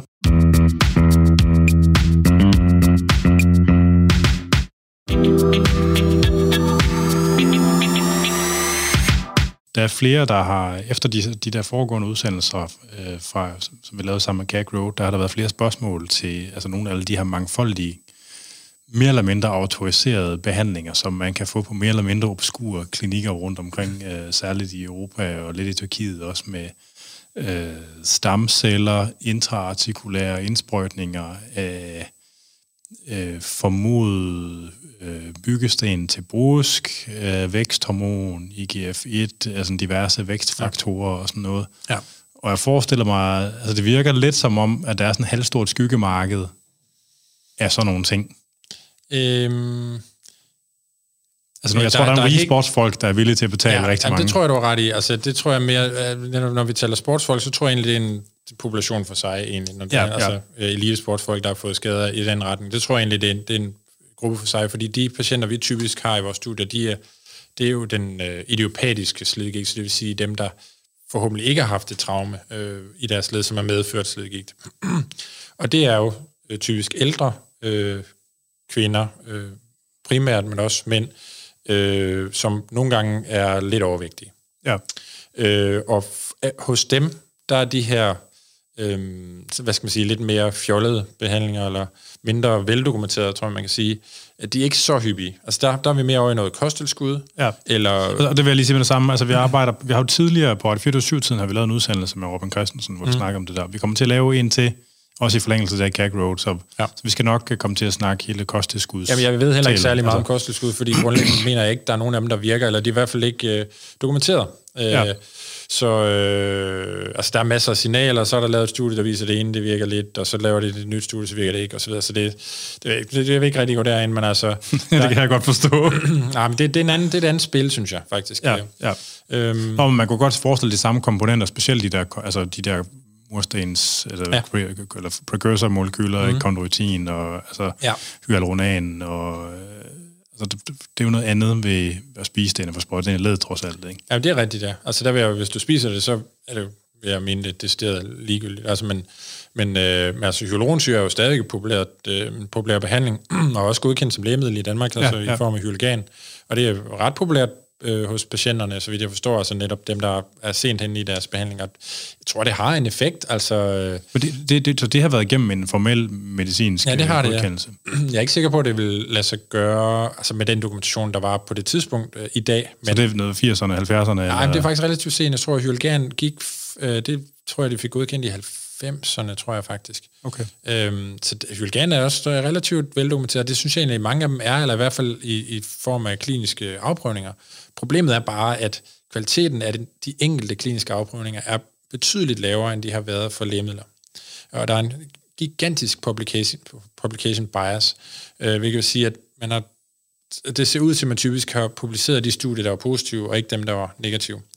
Øh, så, så, er det jo, så er det nemmere at få det til at se ud, som om det virker i din meta-analyse, ikke? Ja, fordi den tager gennemsnittet. Ja, den tager jo gennemsnittet, men altså, der kan man jo lave en meget nem måde, det kan Robin jo fortælle om, men altså det her øh, øh, plot, hvor man, det ligner sådan en græntræ, ikke? Hvor det, ja, det er en længere historie, men altså, man kan relativt nemt øh, se, om der er en publication bias eller ej, den er, den er rimelig prominent hos, øh, hos de hyaluronsyreprodukter, der er, ikke? Okay. Og det karakteriserer egentlig mange af de her lidt, hvad skal man sige, alternative behandlinger, Øh, men dermed ikke sagt, at der er nogen af dem, der ikke virker. Altså, det, det kan sagtens være, at der er nogen eller mange af dem, der virker egentlig. Øh, der er bare ikke rigtig solid evidens for, for mange af dem endnu, synes jeg. Og, ah, altså, nej. Når vi snakker om altså, stamceller, der, der er det jo sådan, det er jo noget, der virkelig rykker nu, altså øh, inden for slidgigt. Det intraartikulære injektion af ikke bare stamceller, men, men det er et eller andet smart med stamceller. Ikke? Om der har været hele den der periode med PRP ikke, blandt sportsfolk. Ja, ja. Ikke, som... det, det gør de jo stadigvæk. Altså i USA, der, der tjener de jo boksen på det. Ikke? Altså, øh, ortopædkirurgerne, det, det tager bare noget fedt, slynger det, og så bare ind med det. Altså, så, så kører vi 8.000 dollars, det er godt, vi kører. Ja. Øh, ny bil til mig. Men, øh, øh, men altså, effekten er også øh, meget, meget øh, dårligt dokumenteret, og de studier, der har været, har været dårligt blindet, hvis overhovedet. Og... Det er så stamceller, du snakker om der. Nej, altså det er, jo, det er jo det, man regner med, eller håber på, og det, det er det, der virker for Så dem. nogle celler, der er dårligt karakteriseret, så man ved ja, ofte ikke særlig meget om, hvad det er. egentlig, ja. Øh, og, og så hvordan de lige skulle interagere. Man ved, det er celler. Øh, der, er nogle celler, der er nogle celler i, men altså, de, øh, der er også alle mulige, du ved, øh, antiinflammatoriske cytokiner, mener de, der er. Der er masser af teorier om, hvad det er, der virker, ikke? Ja. Men, øh, men det virker ikke sandsynligt, det er, det er egentlig et stamcellerespons. Men der er jo, der er jo nogle øh, ret spændende stamcellebehandlinger, hvor man egentlig øh, forsøger at... Fordi stamceller, det kan udtrykke alt muligt, og de har integriner, der ligesom gør, at små skeletdele, der ligesom gør, man, om stamcellen ved, hvilken væv den skal sætte sig fast i. Ja. Og der er en bestemt type integriner, som er relativt nyligt opdaget, som er... Øh, det er anker, anker, ja, anker ja, fuldstændig, ja. Øh, som er relativt nyopdaget, som ligesom øh, forankrer cellerne hyppigere øh, i nærheden af kondrocytter, som så vil øge chancen for, at, at den her stamcelle vil blive til en kondrocyt, og dermed lave ny brusk, for eksempel. Ikke? Ja. Øh, der er nogle behandlinger, øh, som er ved at øh, blive udviklet øh, af den her slags, som man ligesom, hvor man ligesom kan udvælge dem, der, der sådan ligesom beriger stamcellerne for øh, bestemt type integrin. Øh, ja. Og det, det, det er ret interessant, tror jeg. Altså, der, der er stadigvæk lang vej til at vise, øh, fordi hvor lang tid lever de, altså, kan de noget, og altså, det, det, det er ikke til at vide, hvad der sker, men altså, øh, men det er i hvert fald noget, der er enormt stor fokus på nu. Øh særligt øh, i Asien og USA. Men ville det være noget, man altså, injicerede intraartikulært, ja, og så skulle, og så skulle de ligesom selv finde derhen? De skulle Jamen, selv så er det jo sådan netop, ja, så enten så er de fuldstændig bare sådan, de er der bare, så sker der bare noget. øh, øh, eller også så vil man forsøge netop at lave et eller andet, altså man kan lave meget nu med... Det er sådan noget cowboy, ja, cowboy medicin. altså man har jo lavet meget med de her... de her det er så dumt. Ja, de her dobbelt øh, monoklonale antistoffer, der ligesom øh, frigiver antistoffer, når den møder en bestemt øh, celle eller et eller andet. Ikke? Altså ja. noget af den type kunne man forestille sig. Ikke? Det er relativt nemt at lave nu om dagen. Øh, det, det var en mulighed jo, altså, men... Øh, øh, så der, der er noget helt underskår det der. Jeg, jeg har egentlig ikke involveret mig så meget i det, fordi det er relativt tidligt, og fordi den regulatoriske miljø er meget hårdere, når det handler om øh, stamceller af mere eller mindre åbenlyse årsager, end, end med klassiske lægemidler. Ja. Men altså, når nu du siger med sådan noget, hvad det hyaluron, det hedder, ikke? Altså, jo, det er et lægemiddel, ja. ja. Øh, hyaluronsyre findes jo ja. også som kosttilskud. Øh, Hvor man altså spiser det, mener du? Ja, ja. Okay, ja. Øh, og du, du omtaler det lidt som værende ikke et lægemiddel. Ja, det vil jeg mene, hvis du... Hvis, altså, altså hvis oral hyaluronsyre har jeg svært ved at få til at blive et lægemiddel. Nå, ja, nå, mener at man selve det til, til, til at sprøjte ind oh, i ledet ja, også. Altså, ja. du omtaler det, som om det ikke er lægemiddel. Er det fordi, det ligesom er en gammel skole? Eller? Ja, det tror jeg lidt, det er. Men jeg tror også, det er, altså, det er fordi, at den forskning, der blev lavet, var netop øh, ikke rigtig lægemiddelforskning, faktisk. Altså, så, du, så du tror, det er usandsynligt, at det man passer, at det virker? Nej, jeg tror sgu, det virker altså på, netop på den måde, som man oprindeligt mente, netop sådan, som smøremiddel, eller sådan, altså, øh, det smører lidt, du ved, altså, det er sådan mere Så ingen, sygdom, ingen sygdomsmodificerende effekt, men... Nej, det tror jeg bestemt ikke, altså... Det er ligesom at hælde et havregrød ind i ledet, så det hele det glider lidt bedre. Så... Ja, noget meget, meget fin havregrød, ja. Ja. Øh, altså det, det tror jeg egentlig, det er plausibelt, at det virker sådan. Så er der, ja, ja. der er lavet masser af forskning på, så er det lidt antiinflammatorisk eller et eller andet, men øh, ja, det er også muligt, men, øh, men effekten er bare ikke særlig stor, vel, og, den, og det virker heller ikke ret lang tid. Øh, og på den måde så, ja, altså der er, de har forsøgt at lave øh, studier, der skulle indikere, om det var sygdomsmodificerende, men de var ret elendigt designet og for små og for korte, og Øhm, så det, der er ikke rigtig noget, der dokumenterer, at det skulle være sygdomsmodificerende. Der er heller ikke, jeg kan heller ikke rigtig forestille mig, hvorfor det skulle være det egentlig. Nej, nej. Altså, men det er jo altid, altså den der dårlige track record på, og, på, på øh, hvad skal man sige, det sygdomsmodificerende lægemiddel. Øh, jeg ikke hvad man tænker på, ligesom det der med, altså sådan, Jeg ved faktisk ikke, hvornår man stopper med at gro mere brusk normalt. Øh, ja, det er der jo del mening om, ja. Øh, er det, at, altså det er som barn på eller, eller unge på et eller andet altså, der, ikke? Der, altså, men der er jo det her berømte studie øh, inden fra øh, Bispebjerg, mener det er, Heinemeyer-studiet med det her, den her kulstof-14-metode. Ja, ja. ja. Øhm, som ligesom indikerer, at den brus, du har som øh, adolescent, altså som teenager mere eller mindre, ikke? at så får du ikke rigtig mere. Nej. Øhm, og øh, jeg personligt mener, at det der paper, er, jeg synes, det er super spændende metode.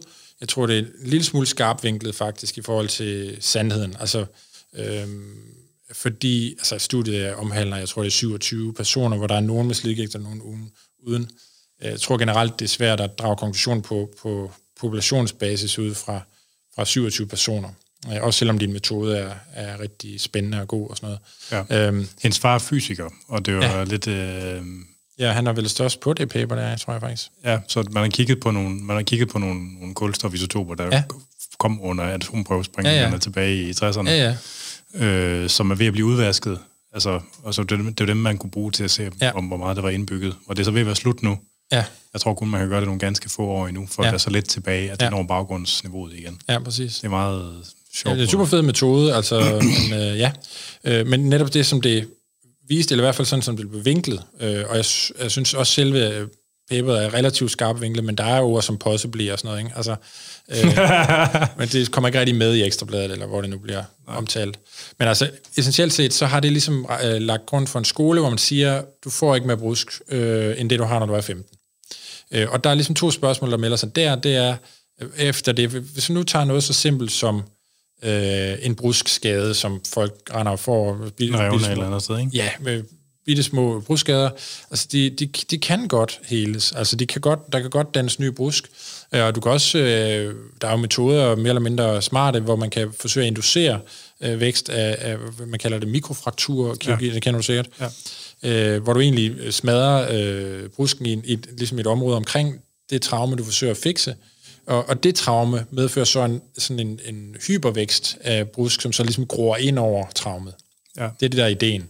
Øh, og det virker, kan man sige, ved at der kommer ny brusk. Jeg tror ikke, det er super kvalitet brusk, men der bliver der, der er en vækst af brusk. Ikke? Og man kan se det så anderledes man, ud på... Man kan se det altså på, på de her artroskopi-billeder. Ikke? Så, ja, ja. Øh, så det, at man ikke kan danne ny brusk, efter man er 15, det passer ikke. Altså, øh, det er ret simpelt. Spørgsmålet er, om man sådan, når, i, i normal tilstand ikke gør det. Øh, det. Det er lidt svært at svare på, men altså, øh, der er en hel del data, der indikerer, at der er jo ligesom mange andre processer i kroppen, en konstant Ej, turnover. Der er så mange paralleller til alt muligt med knogler ja, ja, ja, og muskler og de andre bindevæv også det der. Ja, alt muligt andet væv. Problemet er, at som jeg nævnte før, brusk, det er hyperlangsomt voksende. Det er også ja. derfor, når du får en, øh, en øh, en øh, skade i, øh, i en scene, som jo også er øh, bestå, øh, faktisk brusk øh, og kollagen type 2 og alle de ting, du normalt har i, i hyalinbrusk, så tager det utrolig lang tid for den hele, fordi den har det samme problem, som din, din hyalinbrusk i, i ledet har. Den vokser utrolig langsomt, ja. men den vokser faktisk. Ja. Øh, og det samme sker, øh, efter min mening, også i, i hyalinbrusk i, i ledet. Det går bare utrolig langsomt. Ikke? Og så den her nøjagtigt ligesom i knogle, jo ældre du bliver, så den her evne til at danne mere, end du nedbryder, den bliver dårligere. Ja. Øh, og så bliver netto øh, øh, resultatet et tab, og for nogen, der sker der så et eller andet, hvor det løber løbsk, øh, og så bliver nettotabet lige pludselig det større. Ja. Men altså, det er faktisk ret interessant det her med, at den nye brusk, fordi over i, i øh, Storbritannien, der har de den der UK Biobank, ikke? En kæmpe, ja. kæmpe stor biobank på 100.000 vis af prøver og blod og alt muligt har de. Øh, og der har de så lavet en specifik undersøgelse af, hvor de ser på øh, gener, der er involveret i udviklingen af slidgigt. Det er ikke som, som sådan en ny forskning, men det er faktisk ret interessant, det de finder ud af, fordi de finder øh, fire øh, gener, der koder for øh, netop øh, opbygning af brusk, så det vil sige FGF18, GDF5, TGF-beta, og så en, jeg ikke lige kan huske. Men uh, alle dem, de, de Man ved... fornemmer ligesom, hvor det hører til hen der, eller Det handler om opbygning af brusk. Ja. Det handler ikke om nedby- øh, nedbrydning af brusk. Og det fortæller dig egentlig, at det er jo fordi, der er en defekt i din opbygning, at du så får slidgigt. Ja. Uh, uh, det er ikke nødvendigvis nogle andre processer. Det er jo, det er jo en uh, opbygningsdeficit. Uh, og det fortæller jo også folk, at der er en opbygning af brusk i baggrunden ja. gennem hele dit liv. Den er sandsynligvis bare ekstremt lille. Ja, ja. Og hvis du så i forvejen, hvis du så har en deficit, der gør, at den opbygning er dårlig, Ja. så får du slidgigt jo, fordi så, så, så er der kun en nedbrydende del tilbage. Ja, altså der er jo en ting, jeg sådan, altså, når man, hvis man nu bliver det sådan en lille, en lille smule bredere, ikke? men altså, jeg vil mig meget for muskler, og muskler, de har jo den øh, ting, at de kan ændre størrelse i ret, større, størrelse og styrke i sådan et ret mm. markant omfang mm. i forhold til de andre bindevæv. Og man ser jo det der ligesom med, at det synes, at senetykkelsen følger muskelstørrelsen Okay, nogenlunde, ja, ikke? ja. selvom man jo normalt siger, at sener vokser langsommere mm. muskler. Ikke? Mm. Jeg er ikke lige sikker på, hvordan, om timingen er sådan helt følger Ja. med, men, men, men senere vokser. Mm. Altså, øh, om det så det altid er fyldt op med den kollagen, og hvor mm. der er væske i og sådan noget. Bevares, ikke? Altså, Ja. ja. Knogler ændrer sig jo også, og mm. knogler kan jo godt ændre makros, makroskopisk både øh, intern struktur og størrelse mm. øh, i forbindelse med styrketræning. Ja. Øh, også væsentligt hurtigere, end de fleste folk går og forestiller mm. sig. Øh, altså en knogle, den kan godt blive et, altså, et tocifret antal procent tykkere Ja. makroskopisk Ja. målt med skydlærer simpelthen. Mm. Ikke? Hvad med ledhovedet? Altså bliver det bredere? Ja, det gør det faktisk. Det? Altså sådan, og, og, Ja, men det gør det faktisk, men det er faktisk ikke med vilje, kan man sige, eller det er, det er en fejl igen. Altså, det, det, det er meget, en, nogle af de, netop når vi snakker om de her effektmål før, man siger brusk tykkelse på MR og sådan noget, ikke? ja, øh, det felt, hvor øh, der, der ligesom øh, har bevæget sig mest i at finde nye effektmål, det er øh, MR-måling af knoglearealet under brusken. ja, Øhm, for knoglearealet er åbenbart øh, super sensitivt for dels, øh, altså, hvordan sygdommen kommer til at være i fremtiden, og hvordan den er lige nu. Øh, øh, til sydenland så er det første, der ændrer sig, inden der sker noget som helst andet med slikgigt, det er, at øh, overfladearealet på din knogle bliver større. Øh, altså, på grund af ujævnheder. Øh, nej, den, den, den bliver simpelthen bare større og større, altså ligesom plateauer ud. Ligesom det er sådan en, øh, det er jo derfor, man får de her osteofytter, ikke? Altså, det stikker små øh, øh, knoglestykker øh, ud. Horn. Ja, horn, ja. Øh, man kalder dem de her, øh, altså helspore har man jo i, på, på, i fødderne, ikke? Ja. Men det er det samme, der sker. Det er unormal knoglevækst, som er sådan stikker ud, ikke? Øh, Og ideen er jo, øh, at der er nogen, der mener, at det er fordi, at kroppen simpelthen forsøger at brede det her tryk, den mekaniske påvirkning, ud på et større areal, fordi det gør nas. Altså, der, der går noget galt Ja. øh, i, i den kompressionsstyrke, der normalt er i brusk, den er nedsat, og så forsøger øh, kroppen at brede det ud til et større areal. Ja, er men, det, men, det, er men det, er jo- det er en patologisk proces, altså hvor man kan sige, at Ja, nej, man kan sige, det er jo faktisk et forsøg på en non-patologisk proces, der så bliver Nå patologisk. jo, men jeg tænker bare, at, at almindelig knoglevækst er jo ikke, øh, altså det er jo Nej, det er det, det er Det- ja, det er adaptivt, ikke? men altså, Ja. jeg tænker bare på, altså jeg, jeg aner ikke, om ledhovedet i knæet bliver, kan blive større, når man bliver et større menneske. Jeg, Øh, altså, altså, nå, det, det er et godt spørgsmål. Altså, det, det, fordi, altså, fordi hvis man kan, hvad sker der så med brusken? Jamen, det er rigtigt, altså, men øh, altså, der, er- man, man er nødt til at justere for, øh, for køn, blandt andet, når man kigger på, på dels øh, knoglearealet, øh, og også med brusttykkelse og så videre, altså hvis man skal have nogle gode data. Fordi der er, der er en stor forskel øh, mellem de to øh, grupper. Ja, altså det, det billede, jeg har inde i hovedet, det er selvfølgelig de der fucking strongmen, der tanker Ja. sig op og kommer til at veje 200 kilo, Ja, ja. Ikke? Altså Ja. som, som, som har været nogle, Ja. som er nogle høje mennesker, som måske har startet på 90-100 kilo, ikke? men som ender på nogle på 200 Ja. kilo. Jeg gad godt vide, altså jeg kan næsten ikke forestille mig, at alle de dem ikke bare er blevet større. Nej, jamen, det tror jeg, du har ret i. Altså, og det, jeg tror særligt, øh, brusk, tror jeg ikke, et, altså det tror jeg ikke, jeg er svært ved at forestille mig, at det kan følge med, altså i den grad. Jeg, jeg, jeg ved det ikke, altså... Nej, nej, men det, det, det er bare det, jeg tænker, altså, det er bare spøjst, ligesom, hvorfor, altså, vi er blevet så gode til at manipulere celler og kontrollere deres differentieringer. Nej, du skal ikke være en muskelcelle, du Ja. skal være Ja, ja, en, ja. du, alt det der, ikke? Og man kan endda, man kan dedifferentiere mange af celletyperne, og sørge for, at de kommer tættere på at blive primordiale stamceller, og, og man ved, selvfølgelig så ved man ikke en skid i virkeligheden, men man ved meget, meget mere, ikke, Ja, end man ja. gjorde for 10 år siden. Øh, hvor- hvor- hvordan, hvordan kan det være så svært at kopiere den der tilstand, som der er i brusken på et barn? Jamen, det, øh, jamen det, det har jeg også, altså det har jeg virkelig tænkt meget over. Jeg tror, at hvis jeg kunne svare, altså jeg, jeg, jeg ved det ikke, altså jeg, jeg ved det ikke, jeg, øh, det er svært at sige. Altså jeg tror, jeg, jeg tror ikke, man kan sammenligne det med det, der sker øh, i knogler hos for eksempel børn, eller altså hvor man har den her growth plate og så videre. Altså, Nej, nej. Øhm, øh, det, det er klart for mig i hvert fald. Altså, der er sikkert nogen, der har forsket i det og ikke lavet andet hele deres liv, men, øh, men der er til synligheden ikke nogen, der har kunne inducere det ligesom i, i øh, nej. øh, post. Altså, hvad er signalet? Altså, sådan på ja, præcis. Hvad er det for en øh, kontakt, der bliver slukket? Ikke? Er der nogle dyr, hvor det opfører sig markant anderledes end i mennesker? Altså, der er jo hajer, for eksempel, øh, som er næsten ren brusk. Bevares, men om at nu, vi skal lidt tættere på, sådan over i pattedyrs-genren. Nå, okay. Øh, nej, men altså, personligt synes jeg jo, hajer er voldsomt interessante, fordi at øh, de netop er stort set ren brusk. Ja. Øh, men øh, hvis vi nu skal lade hajerne ligge lidt, Ja. øh, så meget bekendt er der ikke, øh, jeg, har, jeg, har ikke, jeg har ikke kendskab til nogen, nogen dyr, der har, sådan, har en særlig brusk type, eller, altså, ud, hvis vi snakker pattedyr. Nå, men ligesom du ved, der er nogle dyr, hvis tænder vokser hele livet, hvor vores stopper, mm. eller du ved, sådan noget. Nå, altså sådan, ja. du ved, altså, øh, Nej. og nogen, der måske har, sådan, har andre, andre typer af sliddele, der, hvor, hvor man har det der sådan på en eller anden måde. Nej. Nej, altså nu tænker jeg bare sådan rent, så tænker jeg på nogle af de dyremodeller, der er for slidgigt, Ja, ja. hvor, hvor øh, der er jo den, man kalder spontaneous OA, som er, som er en fed dyremodel, fordi den modsat alle mulige andre dyremodeller for slidgigt ikke er traumatisk. Det vil sige, du går ikke ind og smadrer et eller andet, og så venter på, at de får slidgigt. De får et bare slidgigt. Altså, det er så en genetisk defekt, der gør det, bevares, men, øh, men det sker non-traumatisk. Mus, eller... Det er faktisk marsvin. Ja. Så øh, altså den, den kan noget, øh, den kan ikke alt, men den kan bestemt det her med, at det fjollede, som der er i alt slikkes forskning, det er jo, at alle vores styremodeller, stort set, bortset fra spontaneous OA, de er traumatiske. Ja. Mens alle vores lægemidler, de, uh, de må endelig ikke være til traumatisk OA, fordi det, det skal være idiopætisk OA, fordi ellers så kan vi ikke redde det. Det er ideen i hvert fald, ikke? Ja, ja. Øhm, jeg tror nok, hvis man skal finde noget, der virker til idiopætisk OA, skal det nok også virke til de fleste traumatiske, men, øh, men, men så det er super fjollet, at alle dyremodellerne de er traumatiske, mens, mens når vi når til menneskerne, så bliver det en helt anden sygdom lige pludselig. Ja. Og det, det tror jeg, den der spontaneous OA-model kan noget øh, ved. ja.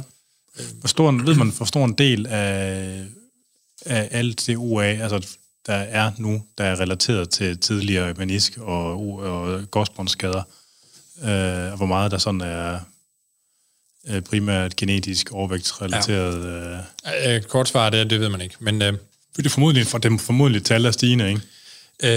Øh, jo, det er det jo. Altså, altså man kan jo sige, hvis du har korsbåndsskade og blev behandlet i 90'erne eller et eller andet, ikke? Så er det ved at være på, nu, så er det ved at være på tide. Jamen, så, så, har du, altså, så er du næsten sikker på at få slikket på et eller andet tidspunkt. Altså, det Ja, tror, ja. jeg, tror det er sådan noget 65 procent øh, risiko over et liv. Ikke? Ja. Ja. Øh, men altså, man har fundet nogle bedre kirurgiske teknikker og så videre. Det er noget med, hvordan du hæfter. Øh, Hvordan man bruger gangen øh, og alt det der. ja, lige præcis, ja. Øh, hvordan du hæfter faktisk primært kan, kan ændre prognosen rigtig meget. Ja. Øhm, men, øh, men korsbåndsskaden er jo den klart hyppigste. Og så er der jo alle de her mikrotraumer, som man ikke... Altså, dem opdager, man finder man jo ikke ud af, at de har været der. Nej, nej. Og det er jo, det, det er jo mørketallet, der er øh, inden for øh, OA, for dem, fordi folk vil sige, at jeg har aldrig været skadet. Øh, Eller har været skadet. jo, jamen præcis, alle har været skadet i en eller anden grad, ikke? Altså, ja. øh, og det kan sagtens være en, en, bare en lille øh, erosion eller fissur eller et eller andet, du har haft i, i bruskoverfladen, som så er gået galt på et eller andet tidspunkt, så øh, med tiden, så bliver det bare værre, og så går det galt, og så bliver det klinisk relevant lige pludselig. Ikke? Altså fordi det, det starter så langt nede under, der hvor man mærker noget til det, ikke? Ja. Vi, vi render jo ikke rundt og får lavet artroskopier hele tiden. Der er ikke nogen, der ved, Nej, hvad der er inde i vores led. Altså, da jeg havde, øh, hvad hedder han nu, Anders Troelsen, inden, hvor vi, altså han er sådan, han, vi lavede den her CAC Road. Ja. Det jo ham, der sådan, vidste mest om selve altså, operationsproceduren. Ja. Jeg spurgte, om man nogensinde har transplanteret led. Nå, ja. Det kunne jo godt være, at man havde for, forsøgt det, altså i dyremodeller for den Ja. skyld, eller Ja. sådan, altså, det var, det var der ikke rigtig nogen, der har... Nej. Altså ved hele det der, hele det der, igen, den der alders ting. Ja. Altså, øh, altså er det noget, er det et, et er det et blodbåret signal, ikke? eller er det noget, Ja. der er iboende forvævet, Ja. er, jo, er jo interessant, ikke? Jamen altså, jeg, jeg tror egentlig ikke, jeg ved nok om det. Jeg tror egentlig, der er nogen, der vil komme med et relativt klart svar, men det er bare ikke lige mig. Altså, øhm, Altså det forudsætter nok nogle forsøg af nogle lidt vilde karakterer at svare. Altså man har lavet, ved du, kender du det der heterokron, heterokron parviose? nej. Det er jo, når man, det er jo sådan en, en rimelig velbekendt, øh, velbeskrevet gnavermodel, øh, som ikke er, man gør det ikke så meget mere, for jeg tror nok, man synes, det er sådan lidt dårlig karma, men man har dyr, som man øh, sætter sammen skulder mod skulder og hofte ved hofte, så de kommer til at dele kredsløb, Nå, okay, ja. så de kommer til at dele øh, blodforsyning. Ja, ja. Og så øh, heterokron betyder så, at man gør det ofte på tværs af alder. Ja, så okay, ung ja. mod gammel, gammel mod Ja, ja, ung. ja. Altså, øh, Nå, jamen det, jamen det tror jeg, øh, nu du nævner, så, så, og så kan de netop få den gamle til at blive ung igen, er det ikke sådan noget? Øh, så, altså, jeg kender det fra noget muskelforskning, Ja. hvor man så har, hvor man så har øh, induceret noget muskelskade, mm. enten med tryk eller med, mm. f- eller med frys, tror jeg nok. Mm. Øh, og så kan man se, hvor meget arvæv der kommer, fordi ja. at graden af arvæv, der kommer under opheling af muskelskaden, er relateret til alderdomsfenotypen. Mm. Og der kan man så se, at øh, det her med at være forbundet med et ungt dyr, øh, mm. at det redder det aspekt af mm. alderdomsfenotypen. Jamen, så skal vi jo bare have infunderet noget ungt blod. Jamen, så går vi fuld vampyr. Altså, det, er, så, tænkt, så det, det, bare, det er jo nemt nok. Altså. Nå, altså, i, år, i øvrigt, hvis man sådan, år, altså, det, det, det er ikke dumt. Altså, det er helt seriøst. Hvis man kigger lidt på det, på litteraturen, det er ikke dumt. Jamen, jeg, jeg ved godt, der er nogen, der går rimelig seriøst til værks Ja. på det der, ja. Altså, det ser faktisk overhovedet ikke dumt ud. Det er en ekstremt logistisk bøvlet ja, og po- potentielt moralsk anløben, Altså, der men er- det er ikke dumt. Der er jo lavet en hel del forskning faktisk i det der, der hedder senescence, cellesenescence, Ja, ja, ja. som er ligesom den der tilstand, hvor, hvor en celle ligesom mister evnen til at dele sig, og på den måde så ligger bare faktisk og bliver sådan lidt gal, ligesom altså og ødelægger øh, området lidt, bliver lidt inflammatorisk osv. Ja, ja. Øh, går fra at være en velfungerende celle til at blive sådan en destruktiv celle. Ja. Øhm, og det er også lavet forskning inden for slidgigt, relativt øh, god forskning også, øhm, som, som også indikerer, at det spiller en stor rolle i, i slidgigt. Øhm, problemet er så lidt, at altså, der er så et firma over i øh, Kalifornien selvfølgelig, der øhm, meget well-funded firma, øh, der, der lige har været igennem fase 2 med et øh, intraartikulært injiceret lægemiddel, der er mod ligesom den her senescent celle, øh, som ligesom targeterer I forbindelse med OA også. Ja, Ja. Øh, som targeterer netop øh, sene- senescent cells i, i slikgigt. Og de har nogle rigtig fine fase 1 øh, data faktisk, der indikerede, at øh, det, det reducerede inflammation, og det havde effekt på smerte, og øh, det var super fint faktisk i et fase 1-forsøg, der er så relativt lille. Øh, Og så lavede de et stort fase 2-forsøg, og så er der ikke nogen effekt.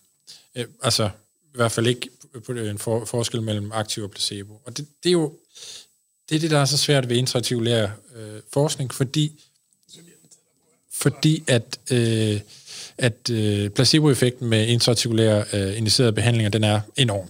Altså Ja. ja. det er mindst 50% reduktion af, af den smerte, du har fra, fra baseline, ikke? Af placebo. af placebo, ja. Nice. Og det er jo svært at slå, altså, øh, for at sige det mildt. Ja. Og det så de også i det her studie, det var også minimum 50 procent. Ikke? Altså, det er faktisk, jeg kan ikke sige umuligt, men det, er- det er meget, meget, du skal virkelig have en dundrende effektiv behandling. Og det, altså, det er jo nærmest, i metaanalyserne, der er det eneste, der er mere effektivt end intraartikulær placebo, det er intraartikulær kortikosteroid. Det er det eneste, der er mere effektivt. Ja. Ellers så kommer NSAID, og alle de andre, kommer nedenunder. Ja. øh, og det fortæller bare noget om, hvor svær forskning det er. ja. Så man kan gå ned til sin kirurg og bede om at få et skud saltvand i knæet. Ja, det er jo så det, altså virker det, og så er der regression to the mean og sådan noget. Altså, du, Ja. patienterne har jo en vis smerte, når de kommer ind, og så er det sandsynligt, at de frikker det. Altså, det er sådan lidt, det, det virker lidt fjollet, synes jeg, at man sådan direkte oversætter det til en klinisk situation, fordi Det var, det var også for sjov. Ja, men, ja. men der er sgu nogen, der mener det ikke. Altså nogen, der forsøger at tage patent på salvand som lægemiddel og sådan noget. Ikke? Altså, Ja. men for mig at se, der handler hele placebo-respons, eller i hvert fald en stor del af det, om, om forventningen til at få en, en effekt. Ikke? Altså, Jo. Nå, men der er også noget mere, jo mere dramatisk selve den, øh, det, man bliver udsat for, er... ja, det er klart, jo mere ja, udtalt jo er- mere invasiv, jo større. Altså, Ja, øh, altså hvis der står en kæmpe stor maskine ved siden af, for eksempel, det ved man igen stærkere placebo-effekt. Ja. Hvis man har kittel på, så kan Ja. stærkere, end hvis man Yes. har skjort på, Ja. og altså alt det der knald, ikke? Jo, men der er lavet nogle ret fine undersøgelser faktisk, at det er, altså, det er intraartikulær behandling, så er det topikal behandling, det vil sige smøre på ledet. Det er Det er, sted, sådan, hvor der sker noget. det er bare sådan, du, du gør jo lige noget der, hvor det går ondt, ikke? Ja. Og så kommer så subkutan injektion og oral behandling og sådan dernede af, ikke? Ja, ja. Øh, men intraartikulær øh, injiceret placebo, det, er- det, er- det er svært at slå. It's heavy shit. Ja, men det tror jeg også, for at komme tilbage til, til senescence, der, altså jeg tror, at mange, øh, utrolig mange studier fejler på grund af designproblemer, altså, Ja. ja. øh, som egentlig er ret simple i det, at hvis de kunne reducere den placebo-respons, så vil man i det mindste få et resultat, man stolede på. Altså, fordi lige nu, der står man sådan lidt, altså hvis placebo øh, er reduceret med 50%, nogle gange mere, hvad, Ellers så skulle man lægge folk i narkose, og så øh, give dem altså, øh, inter- artikulær indsprøjtning, så de ikke ved, om de har fået den. Ja, altså der er faktisk der er lavet nogle ret fede, øh, faktisk en af de firmaer, der er ret langt øh, fremme i, slik, der, i deres fase 2-studie, der havde de en sham-injektion. Ja. Så det vil sige, at de havde en, en hel gruppe, der, hvor de bare egentlig øh, satte nålen ind og tog den ud igen. For at finde ud af, om, om det var væsken, altså om det var saltvand. Ja, om det der var en, en fysiologisk effekt. Ja, det var der ikke. Nej. Det var bare det at, det at få nålen ind, det gjorde det samme. Ja. Nøjagtigt det samme. Altså man skal sørge for at skjule for folk, om de har fået den eller ej. Jamen det gjorde man så også. Det var så, altså, de, de, der var ikke nogen forskel for patienten. Og man skulle skjule- for, om de bliver stukket eller ej, simpelthen. Nå, ja, på den måde, ja. Så de er helt, helt blandet, ikke? Ja, men altså, nu, man er nu, til nu har jeg set det med, at de blev stukket, så bliver jeg sådan lidt, så er det sgu nok bare det, at de er der, altså nærmest. Altså, Ja, det har, jo, men der er jo mange ja. komponenter til placebo-effekten, ikke? ja, ja. Ja, ej, det, er, det er pretty fucked Det er up, virkelig fjollet, og det er super træls faktisk for, for, for OA-forskningen, fordi der er, netop, der er rigtig mange øh, programmer, der bliver tvunget til at stoppe, altså fordi, jamen der var jo... Altså, Placebo-effekten er for stærk. jamen, jamen det, er jo, det er jo firmaets svar, ikke? Men, men alle de andre, der siger, at jeres produkt virkede ikke jo. Altså. ja, ja. Og det er muligvis sandt, men det kan også være, at det faktisk virkede, men at placebo bare virkede så stærkt, at det var umuligt at slå. Altså, ja. Det er, det er en meget spøjs situation. det, ja, som jeg siger, det, det er træls. Altså. Ja, ja. Ja, det, øh, det er sgu op ad bakke. Ja, det er virkelig, ja. Ja. Og du arbejder så med at lave altså clinical trials i virkeligheden. Ja. Ja, Så du sidder med den helt konkrete problemstilling. ja det gør jeg. ja storslået. Ja, øh, øh, ja altså det, så forsøger vi jo at reducere placebo-respons, og vi forsøger at øge altså, ja, chancen for, at det går godt. Ikke? Ja. Men den, den er jo stadig, man kan jo ikke eradikere den, og hvis man gør, så er der ikke nogen, der stoler på ens data. Altså. Nej. Den skal være der. Ja. Det er folk vant til. ja. Og det er ret svært at hacke det der, uden at gøre et eller andet, sådan er virkelig etisk Ja. tvivlsomt. Ja, det er det faktisk. Altså, folk er sådan lidt, jamen, kan man så ikke bruge, kan man ikke måle noget med aktiviteten af nerver, eller skin conduction, og alt sådan noget, som man har målt, eller funktionelle MR og sådan noget. Det kan godt være, men hvis patienten ikke selv synes, han eller hun har fået en effekt, så er det ligegyldigt, om, om ja. Ja. nerven den er mere eller mindre aktiv, eller at øh, dit, ledningen over huden er, er bedre eller mindre. Altså, det er ligegyldigt. De skal overfalde dem, og så, og så give, give dem det der hak i knæet, ikke? give dem sprøjten, uden de opdager det. ja, men- Slå dem ned, og så det er, en, det er en- måde, Anders. Hvad skete der der? ja, ja, den er svær. Den er virkelig svær. Ja, ja. Ej, det er fandme op ad bakke. Men, øh, altså, jeg, jeg mener, der er nogle fremskridt i den, altså på den front. Der, vi har fundet nogle rimelig sikre metoder til at reducere øh, placebo-respons, øh, som vi kan sådan bruge igen og igen. Okay. Øhm, Hvordan? Øh, jamen, nu vil jeg jo ikke sidde og strøge er om med hemmeligt, eller- forretnings, øh, nej, okay. forretningshemmeligheder, men, men det vedrører øh, dels øh, forventninger, patienters forven- forventninger, og så altså få kontrolleret dem, ikke? Ja, Og så... Øh, så, så får de forensrettede informationer om, hvad der ja, skal og ske. så får man ikke sådan, altså, siger til dem, nu får du bare verdens bedste lægemiddel. Nej, det, det er bare det, så det, godt, det, det er, det er godt. Det, Kæft, det er godt, det det, det er ikke Jeg har selv taget det i øjeæblet, eller andet. Det, Ja. så det, det virker ikke, vel? Øh, Nej. Det, eller det vil sige, det virker super godt, men det virker rigtig dårligt for projektet. Ja. Så det skal man ligesom øh, holde op med. Men er det rent faktisk et problem? Eller har det været et problem? Det må det så Ja, have det været. tror jo. jeg, det, i høj grad det har været et problem, ja. Fordi du skal jo rekruttere deltagerne, og det er jo klart at motivere dem ved at sige sådan, det her, det tror jeg fandme, det, det, det kommer til at sparke røv. Det er virkelig det vildeste. Ja. Ja, så, er de, for, så er deres motivation for at deltage høj, fordi de forventer at få det her verdens bedste produkt. Ikke? Ja. Ja, det er selvfølgelig... Øh, Altså, der er lavet de her metaanalyser, de viser jo, det, dengang Celecoxib kom, de her, som så rendte ind i nogle andre problemer senere, men altså, da det kom, øh, En hovedpinepille skulle foreslå mindre hår mod maven, ikke? ja, det var jo, det er en COX-2-hæmmer, ikke? så det er jo så en NSAID uden øh, alle de øh, sundhedsproblemer, der var forbundet ja. med det. Det viser så, der var noget nogen, der mente, der havde, der havde nogle andre problemer, ikke? Ja. men altså, ja, det var ikke så hårdt mod maven. Og det, det er væ- væsentligt nok i sig selv. Jeg mener stadig, at det har en god plads, hvor alting er, at da det kom, øh, der, der havde det jo øh, de studier, hvor i COX-2-hæmmerne blev undersøgt, der var placebo-responset betydeligt større, end det var i de studier, der var lavet lige året før, med diclofenac for eksempel, eller ibuprofen, fordi det var jo nyt. Ja. Øh, så placebo-responset fulgte jo med. Novelty. Så novelty i sig selv, øh, tænker man, det her det er nyt, ergo må det være bedre, selv i placebo-gruppen, ikke? Ja. Nej, det er på bakke. Jamen det er det jo, så det fortæller meget om det her med forventningerne, ikke? Ja. Ja, og så det andet, man, man vil gøre typisk, det er at reducere øh, forekomsten af smerte alle mulige andre steder i kroppen. Altså hvis du render og har svær øh, ondt i ryggen, eller alt muligt ondt i hovedet hele tiden, eller sådan noget, så er risikoen for, at du kan skælne den smerte, du har i dit, dit knæ, fra alt muligt andet, den er, den er lavere. Og derudover så er der den her risiko for, for det her central sensibilisering af nervesystemet også større. Ikke? Ja, ja. Ja, det, har, det har i hvert fald vist sig at kunne reducere placebo-respons. Men Og det kan man screene sig ud af. det kan man screene sig ud af, men det koster nogle deltagere jo ikke, fordi der er jo nogen, der så ikke lige kan deltage, som deltagede, deltog før. Så det tager længere tid at rekruttere til studierne. ikke? Ja. Så bliver det dyrere. Så bliver det dyrere. Ja. ja. Har vi, har vi været, er, er der nogle ting, vi har glemt? Sådan på den her side af det? Øh, øh, det tror jeg ikke. Altså fordi så øh, tænker jeg så ved at give dig fri, og så øh, med mig få vores aftenkaffe og et glas gløk og alt det der, du hører med. Skønt. Øh, det var en fornøjelse.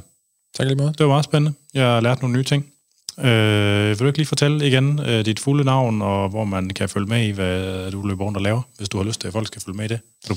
Jo, altså, jeg hedder Asger Bielet, jeg er Medical Director i uh, NBCD, eller det vil sige den kliniske udviklingsgruppe af Nordic Bioscience. Uh, jeg laver uh, klinisk forskning i slidgigt, og uh, det sker, at jeg publicerer ting på PubMed, så det kan I se der blandt andet. Er du på ResearchGate? Det skal man jo være. Øh, nej, det er jeg faktisk ikke. Jeg, jeg tror, jeg selvmeldte mig en gang, fordi jeg vil have en artikel derinde gratis, men jeg kan ikke rigtig lide det sådan. Nej. Øhm, jeg kan ikke lide miljø. Jeg, ikke, jeg, jeg, er ikke sådan, jeg har ikke været desperat nok. Eller, det er sådan en grim Facebook. Ja, det synes jeg faktisk, det er. Jeg, jeg, jeg er ikke kedelig, ked, grim og kedelig Facebook. Det sker, jeg finder et eller andet, hvis der er et eller andet statistik, jeg ikke forstår, så finder jeg et eller andet godt svar derinde, men ellers så bruger jeg det ikke. Nej. Øh, men ellers så kan man finde mig på øh, de tre store rheumatologi øh, konferencer rundt omkring i verden, forhåbentlig, når vi kan komme ud og rejse igen øh, snart. Øhm, Hvad er det? Er det OASI? Jamen, det er så OASI, og så den, der hedder Jula i Europa, og så ACR i USA. Ja.